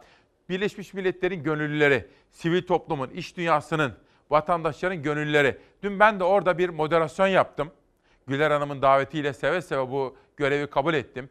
Ve gönüllülük çalışmaları konusunda hem Sabancı grubunun hem pek çok vakfın, üniversitenin hem Haluk Levent'in hem de orada mesela Kamber amcamız vardı. Her biriyle ilgili haberleri sizlere aktardım. Onlara söz verdim. O olağanüstü hikayeleri Peyder Bey zaman zaman sizlere anlatacağım. Hoş geldiniz. Gördüğünüz gibi anons edilmeden gönüllü olarak çıktım. Evet. Amaç geleceğe gönüllü olmak olunca konuşmacılar da daha fazla kişiye ulaşmaya gönüllüyüz dedi. Sabancı Üniversitesi hikayeleri ilham olacak gönüllüleri, sanatçıları ve televizyoncuları bir araya getirdi. Gönüllülük e, kendinizden ötesini düşünebilmek. Kendinizin dışında bir hayatı, başkalarını fark edebilmek. 5 Aralık Dünya Gönüllüler Günü bu önemli güne dikkat çekmek için Sabancı Üniversitesi harekete geçti. İş ve sanat dünyasından gönüllü olarak toplumsal olaylara katkı sağlayan önemli isimleri bir araya getirdi. İsmail Küçükkaya da oradaydı. Gönüllülük çalışmaları dediğimiz çalışmaları göstermemiz gerekiyor. Ben de kendimi bir gönüllü diye at- atfediyorum. Başkasından beklemeden çözümün bir parçası olmak için harekete geçmek, inisiyatif almak. Gönüllü olmayı daha fazla kişiye yaymak önemli. Çünkü Türkiye bu konularda son sırada. 131. sıradayız. 140 ülke var zaten. Bizden gönülsüz birkaç ülke varmış yani. Sosyal medya üzerinden özellikle de hasta çocuklara, adalete ihtiyacı olan kadınlara yaptığı yardımlarla öne çıkan Haluk Levent de bu işe nasıl başladığını İsmail Küçükkaya'ya anlattı. Gösterdiğin hassasiyetin özünde kökünde ne var? 1989 yılında küçük bir kızımız için babası para toplamaya çalışıyordu gazete küpürleriyle. O kızımız için gitar çaldım. İki gün iyi gitti. Baba para topladı. Ya dedi ki pazartesiye kadar kalırsak biz bu işi bitiririz dedi. Ben de o dönemlerde İstanbul'a gideyim albüm yapayım durumuyla stüdyolarla görüşüyordum. Bir cuma akşamı oradan gittim. Pazara kadar dönemedim. Ertesi, ertesi gün pazara kadar. Maalesef kızımızı kaybettik. Daha fazla çocuk kurtarabilmek, kadınlara, gençlere ihtiyacı olanlara ulaşabilmek adına geleceğe gönüllü daha çok insana ihtiyaç var. Evet, gönüllü, geleceğe gönüllüyüz. Çok teşekkür ediyorum. Gönüllüyüz efendim. İyi bir yurttaş olmak için, ülkemizi aydınlık geleceğe taşımak için gönüllüyüz. Her birimizin üzerine düşen görev var. Gönüllülük illa para pul vermek demek değil, çaba harcamak, ruhunu ortaya koymak. Bir sanatçı arkadaşımdan mesaj gelmiş, çok üzgünüz diyor. Çünkü haddini bil diyorlar birileri birilerine. İsmini kullanmama izin verirse ondan da bahsedeceğim. Efendim her birimizin hakları var. Hak temelli bir yaklaşımı sergilemek zorundayız. Vatandaşlık görevim dediğim bugün de şimdi sıra geldi yerel gazetelere. Kayseri olay. Burada da bakın hani dedim ya size EYT'linin, emeklinin, asgari ücretlinin, işsizin partisi olur mu efendim? Mesela işsizsiniz, ben AK Partiliyim. İşsizsiniz, HDP'liyim, CHP'liyim. Olur mu efendim bu? EYT'lisiniz, AK Partiliyim. Bu konuların partilerle bir ilgisi yok. Hak meselesi. Hak, sosyal devleti yerine getirmekle yükümlü olduğu sizin sahip olduğunuz haklar meselesi. İşte Kayseri olay. Bakın neden bunu söylüyorum. Şimdi anlayacaksınız. Kayseri Büyükşehir Belediye Meclisi'nde merkeze 19.80, kırsala %55 oranında çıkan su zammına CHP ve İyi Parti milletvekilleri tepki gösterdi. Bakın burada İstanbul'da yaşanan tam zıttı. Valla partiler falan hiç umurumda değil. İşte Eskişehir Büyükşehir Belediyesi de yaptığı iyi çalışmalardan övgüyle bahsettiğimiz gibi %60 zam yaptıysa Büyükerşen Hoca o da yanlış yapmıştır. İşin kolayına kaçmıştır. Ekrem İmamoğlu fazla zam yaptıysa işin kolayına kaçmıştır. E, Merkezi yönetim zaten bunu yapıyor. İşin kolayı nedir? Zamsal, vergisal. Partiler bizi ilgilendirmez efendim bakın. Biz vatandaş olarak bakmak zorundayız. İster AK Partili ister CHP'li beni ilgilendirmez. Burada da bakın tam tersi. Kayseri Büyükşehir Belediye Meclisi'nde merkeze 19.80 zam, kırsalda %55 oranında su zammı yapılmış. Bu defa da itiraz eden kim? CHP'li İyi Parti. Geçelim. Eskişehir'de de insafsız bir zam yapıldı. Anadolu'ya tercüman Çankırı. 10 milyon kişi açlık sınırında. İşte bakın asgari ücretin tespit edilme günlerine geldiğimiz bu zamanda Türkiye'nin gerçek sorunu budur. Açlık sınırında yaşayan 10 milyon vatandaşımız. Günaydın. Adana'dayım. Bizimkiler atama beklerken Suriyeli öğretmenler göreve başladı. CHP Adana Milletvekili Sümer, Adana'da 830 Suriyelinin sözleşmeli eğitici olarak okullarda görevlendirildiğini açıkladı. Suriyelilere bu hak kim tarafından nasıl tanınmıştır diye sordu efendim. Vay anasını sayın seyirciler. Ve Batman Çağdaş, Batman'da Batman tanıtılıyor. Dün sizlere duyurmuştum. Bu arada Ahmet Güneştekin'in sergi açılış daveti dün vardı. Orada medya dünyasından Hıncal Uluç, Güneri Civoğlu, Ertuğrul Özkök, Kenan Tekdağ vardı Ciner grubunun iki numarası Turgay Ciner'in sağ kolu. İsmail Küçükkaya sizler adına oradaydı. Ve daha pek çok gazeteci yazar da oradaydı. Ve orada ben Batman valisiyle de karşılaştım. Batman valisiyle de yakında Batman'da buluşmak üzere sözleştik efendim.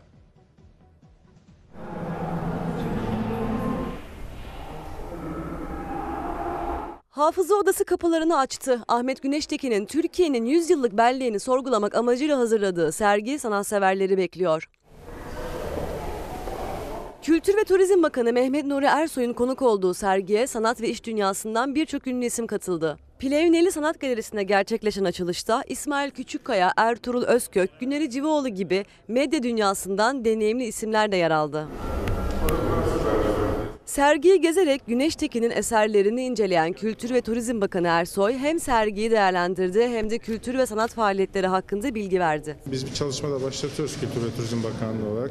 Kültürün, sanatın ekonomik değerinin tespitiyle ilgili Türkiye ekonomisine. Bunun eğer bir ekonomik değerlemesi düzenli olarak yapılırsa bütün kültürel ve sanatsal faaliyetlerin ileride sanatın ve kültürün gelişmesi açısından da çok faydalı olacak. Sanatçı Ahmet Güneştekin sanatseverlerin kendisinden geniş kapsamlı bir sergi beklediğini ifade ederek Hafıza Odası'nın taşıdığı mesajları ve serginin öne çıkan eserlerini anlattı. Türkiye'nin 100 yıllık hafızasını e, ve belleğini sorgulayan bir sergi. Aşağıda videolar ve enstalasyonlar zaten size bu ipuçlarını verecektir. Özellikle Çürüme ve Yoktunuz eserini mutlaka incelemenizi tavsiye ediyorum. Bir de Hafıza Tepesi. E, yani seramikler bile aslında e, hepsi tamamen birbirine bağlantılı. Hafızayı sorgulayan işler. Eserleriyle hafızayı, ölümü ve doğumu sorguladığını ifade eden Güneş Tekin'in Hafıza Odası sergisi 26 Ocak 2020'ye kadar görülebilecek. Ve Kenan Tekdağ da oradaydı efendim. Son dönemde etkili işler yapıyorlar. Ben de kendisi bir gazeteci olarak tebrik ettim. Bir büyüğümüzdür. Metin Can. Şimdi bakın bir sanatçımız Songül Songül Öden. Başarılı bir sanatçı. Çok üzgünüm İsmail Bey diye bir mesaj atmış. Şu.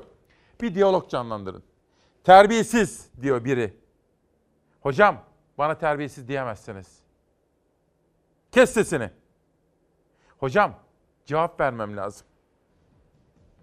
Sen nesin? Cevap vereceksin. Sen öğrencisin. Haddini bil. Bakın haddini bil. Kim kime haddini bildirebilir ki? Bu cüreti nereden alıyor?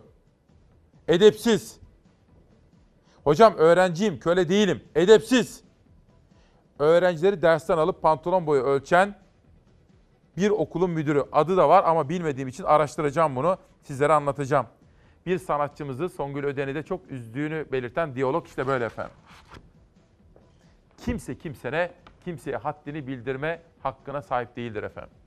Ekin Olcay, kendimi bildim bileli. Hani kültür, sanat, edebiyattan da haberler veriyorum size. Kamuran Özdemir'den Matruşka Sözlerim. Kamuran Özdemir. Ve bir manşeti daha geçelim.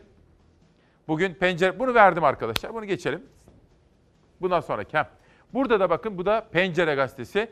Kurucular Kurulu her renkten. Ali Babacan gibi Ahmet Davutoğlu da partisinin kurma çalışmalarını sürdürüyor. Özellikle Kürt siyasi hareketinden sürpriz isimlerin buraya katılacaklarına dair haberler var. Ayrıca Etyen Mahçupyan gibi, Hakan Albayrak gibi, Best FM'den istifa eden programcı Ufuk Karcı gibi isimler varmış efendim. Devam edelim bir başka detaya. Bir dakika bir önceye dönelim de. Bir dakika. Demirtaş AKP komple AKP'den ayrıldı diyor. Bu neymiş bakalım. Edirne F tipi cezaevinde 3 yıldır tutuklu bulunan eski HDP eş genel başkanı Demirtaş, avukatı aracılığıyla artı gerçekten Mehveş Even'in sorularını yanıtladı. Demirtaş'ın rahatsızlığı öncesinde yapılan mektuplu söyleşi yeni yayınlandı. HDP'nin erken seçim çağrısının meşru ve doğru olduğunu ifade eden Demirtaş şunları söyledi. HDP'nin erken seçim çağrısı meşru ve doğrudur. Bundan sonra bunun altını dolduracak mücadeleyi örgütlemek, büyütmek ve demokratik iktidar alternatifini güçlü, inandırıcı ve ikna edici argümanlarla halkın önüne koymak gerekir. Yani HDP'nin hedefi artık kayyum atamalarını durdurmak için mücadele etmek değil, bizzat iktidara gelerek tüm sorunları çözmektir, dedi.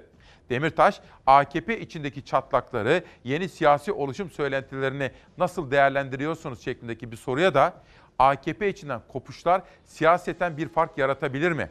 Soru bu. AKP'de ne olduğu, ne olacağı bizi çok ilgilendirmiyor. Çünkü artık AKP bir parti değil, tek bir adamdan ibaret monolitik bir yapıdır. Bitmiş, vizyonu olmayan siyasi bir metadır.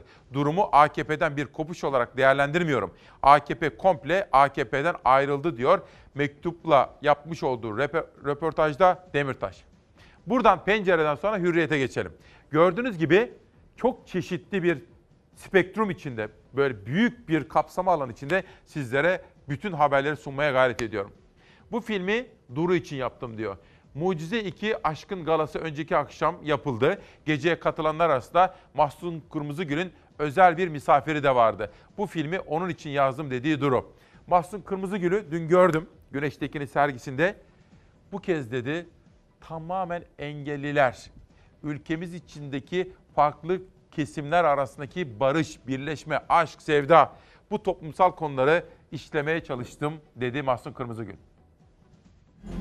Dünyada bu kadar insan varken Bana da kusurlarıyla aziz düştü.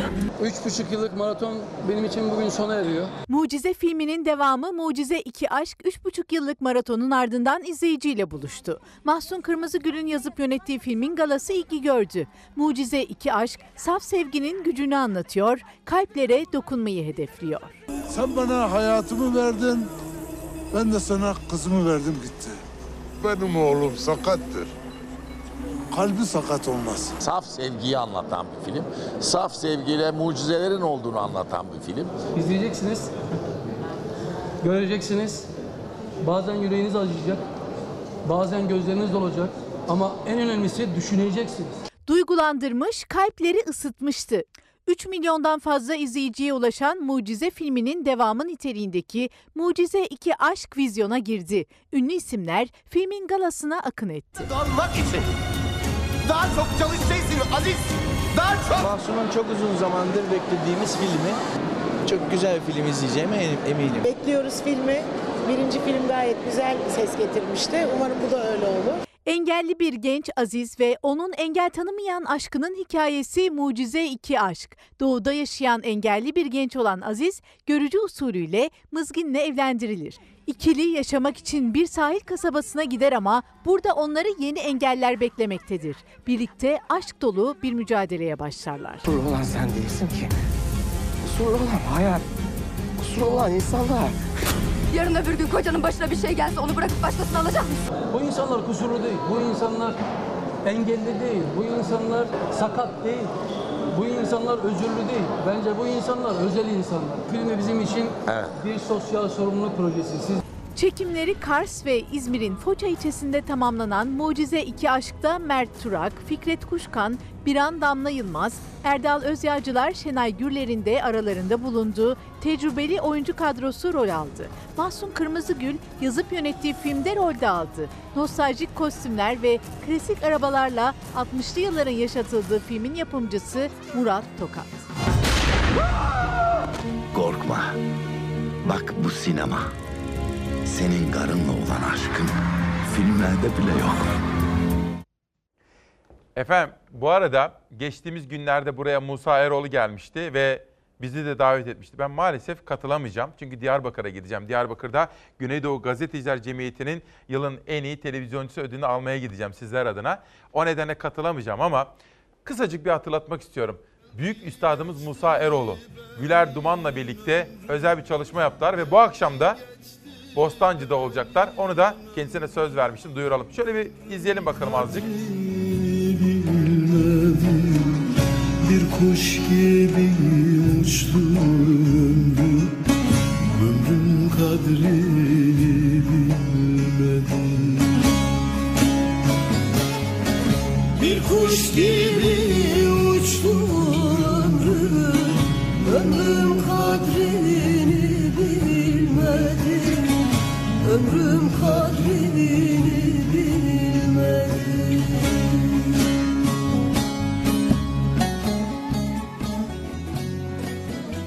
Hüsnü Arkan'ın da dün bir eseri bana geldi gece.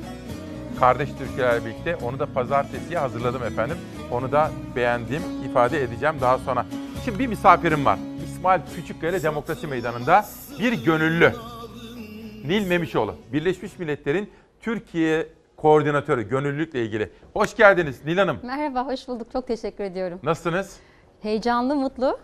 Ne güzel. Evet, Dün Dünya Gönüllüler Günü'ydü. evet. Siz Birleşmiş Milletler'in Türkiye'deki bu anlamdaki koordinatör kişisiniz. Evet, e, Dünya Gönüllüler Günü e, 1983'ten bu yana Birleşmiş Milletler Gönüllüleri Programı önderliğinde e, kutlanıyor.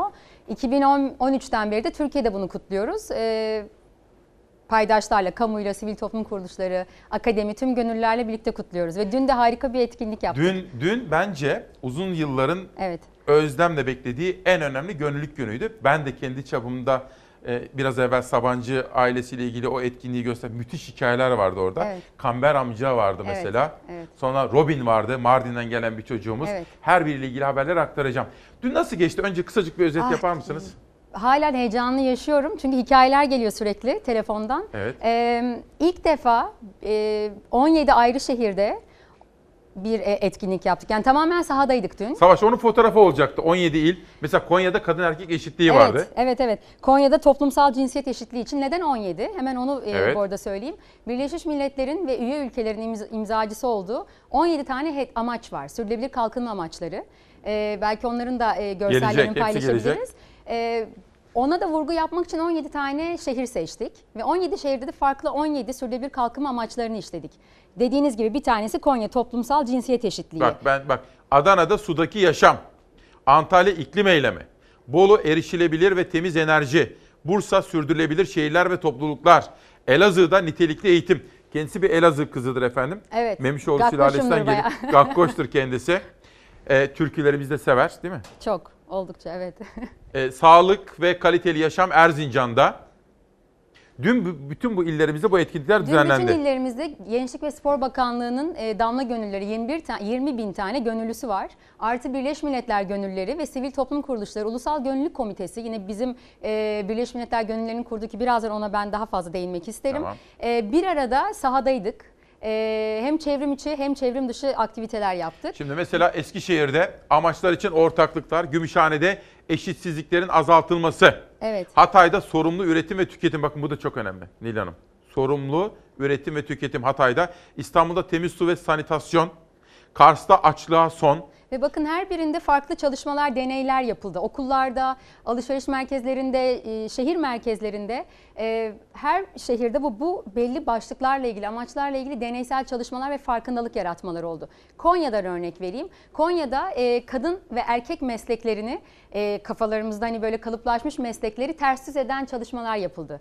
İnsanlara soruldu sizce bu meslek kime aittir diye ama hani bunun gibi birçok ezberleri bozan ee, İstanbul'da yine su arıtma ile ilgili e, temiz su üretimi eğer geri dönüşüme uygun olmazsa susuz kalacağımızla ilgili e, ve hep günümüzdeki sorunları e, dok- dokunan çalışmalar Ne kadar yapıldı. güzel. Konya'da toplumsal cinsiyet eşitliği. Devam edelim. Kırklareli'nde yoksulluğa son.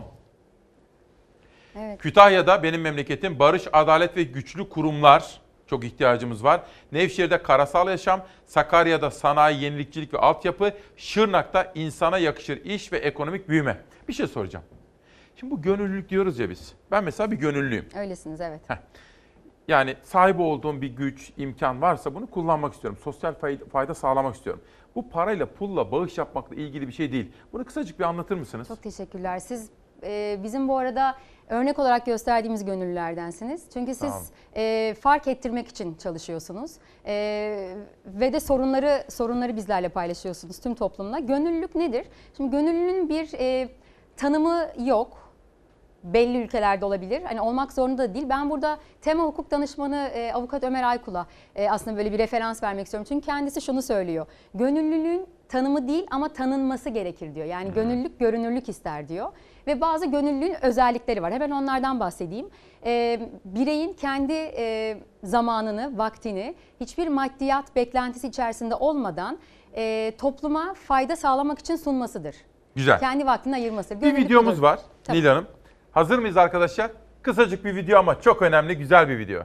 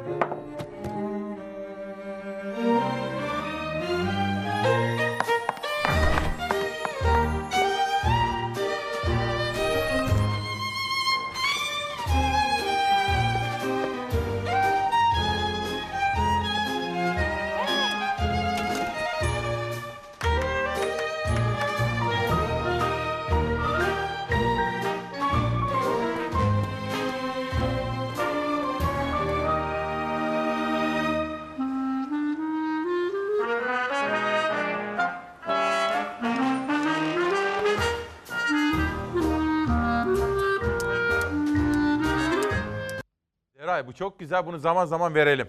Biz bunu zaman zaman ye- Şimdi kısacık bize ne düşüyor? Mesela bu Evet. Türkiye'deki vatandaşlar çünkü hayır severiz biz aslında öyle Evet, deriz. evet. Ama aslında gönüllü değilmişiz. Ee, bir e, bunu bu arada Türkiye'de bu çalışmaları yapan en önemli örneklemi uygulayan TÜSEV Türkiye 3. Sektör Vakfı. TÜSEV'in çalışmasına göre 2016 çıktı. Şimdi 2019 raporu yayınlanacak. E, ama sanıyorum bazı verileri paylaşabilirim çünkü 17 Ekim'de bir etkinlikte zaten paylaştılar. E, %6'sı Türk nüfusunun, ülkemizin %6'sı gönüllülükle uğraşıyor. Çok az. E, çok az. Dün Güler Sabancı bunun altını çizdi. Parayla pulla ilgisi yok dedi. Gönüllülükte biz çok kötü durumdayız. Tabii zaten ülkelere baktığınız zaman da Endonezya, Liberya, Kenya ilk üçte. Gönüllülük yapan en fazla Görseller ülkelerden. vardı. Onu verir misiniz arkadaşlar? Ee, Şu şeyi anlatır mısınız Nil Hanım? Bir komitemiz var bizim. Evet, Ulusal çok komite. Teşekkür ediyorum. mısınız? Ulusal Gönüllülük Komitesi 2013 senesinde Birleşmiş Milletler Gönüllülük Programı'nın girişimiyle hay- hayata geçmiş. Bu bir stratejik bir e, platform, bir organ. Amacı gönüllülüğün yaygınlaştırılması, desteklenmesi e, için çalışıyor ve 36 tane üyesi var. E, bunlar da sürdürülebilir kalkınma amaçlarıydı. Bunları da bir, bir log, resmimiz daha var. Belki Ulusal Gönüllülük Komitesi'nin Geçsin, gelsin. logolarının olduğu. Bu Damla Evet, İstanbul Damla Hatırası. ve Birleşmiş Milletler Gönülleri birlikte İstanbul'daydı. Evet. Ee, Kızılay da onlarlaydı. Ee, bunlar da işte Ulusal Gönüllü Komitesi'nin üyeleri. Ee, içinde çok önemli sivil toplum kuruluşları var, özel sektör var. AFAD var, Alikev, zamanda- Ayder, Açev. Evet, kam- kamunun da yer aldığı. Bakın bu Türkiye'de ilk kez bu paydaşların hepsi el ele tutuştu ve ilk kez bir araya geldi. Bu çok büyük bir kıymet. Buna destek olmalıyız Ee, ve onlar yıllardır bu alanda çalışıyorlar. Ee, biz Ulusal Gönüllü Komitesi ile birlikte gönüllülüğü daha da yaygınlaştırmak ve doğru anlaşılması için çalışıyoruz. Dur, şurayı Savaş bir doldurun bakalım orayı. Bir öncekine. Bir bu kadar katkı veriyorlarsa bir tanınsınlar Evet, onlar da. lütfen. Evet siz devam edin lütfen. Ee, belki evet tekrar Heh. Şimdi bakın burada kamu var, özel sektör, NGO dediğim sivil toplum var. Peki vatandaşlar ne yapacak? Peki ne yapacaklar? Şimdi biz e, diyoruz ki aslında yani ben bu milletin bir ferdi olarak Evet. üzülüyorum yüzde altıları gördüğüm zaman. E, çünkü aslında sorduğunuzda herkes bir yerde bir iyilik yapıyor, bir yere bir fayda sağlıyor ama bunun gönüllülük olduğunu da bilmiyor. Ve bunun yüzde yetmişten fazlasının da informal yönler, yönden e, bu faydayı sağlıyor. Yani sivil toplum kuruluşlarına üye olmadan. O yüzden biz bu verilerde aslında çok aşağılardayız. E, üyelikleri de arttırmamız lazım. Şimdi ben o yüzden belki bizi izleyen kişilere sizin sayenizde e, Ulusal Gönüllülük Komitesi üzerinden e, üye olmalarını ve daha bilinçli bu alanda çalışan bu derneklere destek sunmalarını isteyebilirim. Çünkü derneklerin neden ihtiyacı var gönüllülere? E, toplumun yararına olan konuları daha fazla aktarmak için, daha fazla bireye dahil etmek için bunu yapıyorlar. O yüzden onu önerebilirim. Bir diğer platform da o da çok önemli. Gençlik ve Spor Bakanlığı'nın e, girişimi Genç Gönülleri Platformu. Adı genç ama e, herkese açık. Çok genç iyi. hisseden herkesin dahil olabileceği. Yani iki tane önemli adres var Sizi elimizde. nasıl takip edebilirler? Mesela bizim şu anda evde oturanlar bunlara katkı vermek istiyorlar. Nasıl takip etsinler? Ee, Birleşmiş Milletler Türkiye'nin e, sosyal medya sayfalarından bizi takip Tamam. edebilirler. Biz aynı zamanda orada BM gönüllüsü dediğimiz kişi ilanları da oradan veriyoruz. Biz aynı zamanda iş ilanları veriyoruz. UN Volunteers. Bunlar BM kuruluşlarında olabiliyorlar, çalışabiliyorlar. Ama her birinizin üye olmasını istiyoruz. Bu Evet, derneklere, vakıflara değil mi? Sosyal medyadan takip edebilirler. Tamam. Aynı zamanda BM gönüllüsü olmak istiyorlarsa da bu siteden e, Güzel. Urfa Nidevan, unv.org'dan takip Peki. edebilirler. Evet. Çok teşekkür ediyoruz. Ben Sağ olun. teşekkür- Bunu da size getirdim bu arada. Bana çok teşekkür Ee, ediyorum. siz hem koşucusunuz o yüzden belki bir sonraki koşunuzda bizim e, Antalya'da koşacağım. Antalya'dasınız. Evet, e, Harika. Caroline Koç'a söz verdim. Onlar için koşacağım bu defa. O zaman Eğitim Gönüllüleri evet, Vakfı. Bu da bakın sürdürülebilir kalkınma Tamam, hedeflerimizin. teşekkür Ve ederiz. evet birkaç şey daha var burada. Çok onları- sağ olun. Efendim ben kendisi bir gün uçakta tanıdım birkaç sene evvel. Annem dedi sizi çok seviyor dedi. Ben çok izleyemiyorum ama dedi. Arayın dedim annenizi. Annesini aradık. Anneniz iyi mi? İyi. Evet şu anda bizi izliyor. Gül Hanım'dı değil mi? Evet, doğru. Gül Hanım. Gül Hanım başta olmak üzere bütün annelere sevgiyle selamlıyoruz. Efendim bir fotoğraf gelecek buraya şimdi. Sanat güneşimizi de unutmak istemedim. 6 Aralık'ta tam da bugün doğmuş ve eşsiz bir ses, eşsiz bir yorumdu. Biraz izleyelim. Ben konuğumu uğurlayacağım. Aranıza geri geleceğim. Ne çıkar tahtımızda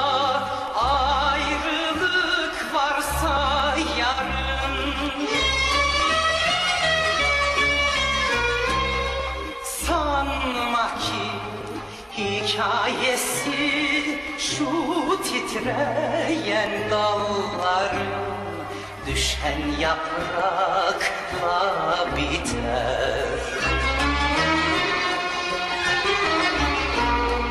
Böyle bir kara sevda Kara toprakla biter. Böyle bir kara sevda Bir günü ve bir haftayı beraber karşılıyor, beraber uğurluyoruz. Ne kadar şanslıyız. Çok yoruluyoruz ama hayata damgamızı vuruyoruz efendim. Ben çok şanslı hissediyorum kendimi. Bana arkadaşlık yaptığınız için, yarenlik yaptığınız için ne kadar teşekkür etsem azdır diyorum. Ve bugünü ve haftayı da kitaplarla kapatıyorum. Profesör Doktor Ömür Demirezer, Tayfun Ersöz, İclal Saraçoğlu, Bilge Şener, Ayşegül Köroğlu ve Funda Yalçın. Bu değerli hocalarımızın katkılarıyla oluşturulan A'dan Z'ye Tıbbi Bitkiler kitabı. Nurpınar Ballıkaya Bir Düş Güncesi isimli kitabıyla Çalar Saat'te ve bu haftayı Hilmi Yavuz'la kapatıyorum. Haftaya bir gün Hilmi Yavuz buraya gelecek efendim. Sen dedi. Erkek sen dedi. İyice sakla kumsalı. Kadın dedi ki tuzu denize gömdüm. Kadın seninim ben dedi yaz gününe. Erkek teninim ben. Denize çıkıyor. Bütün yollar denize çıkıyor.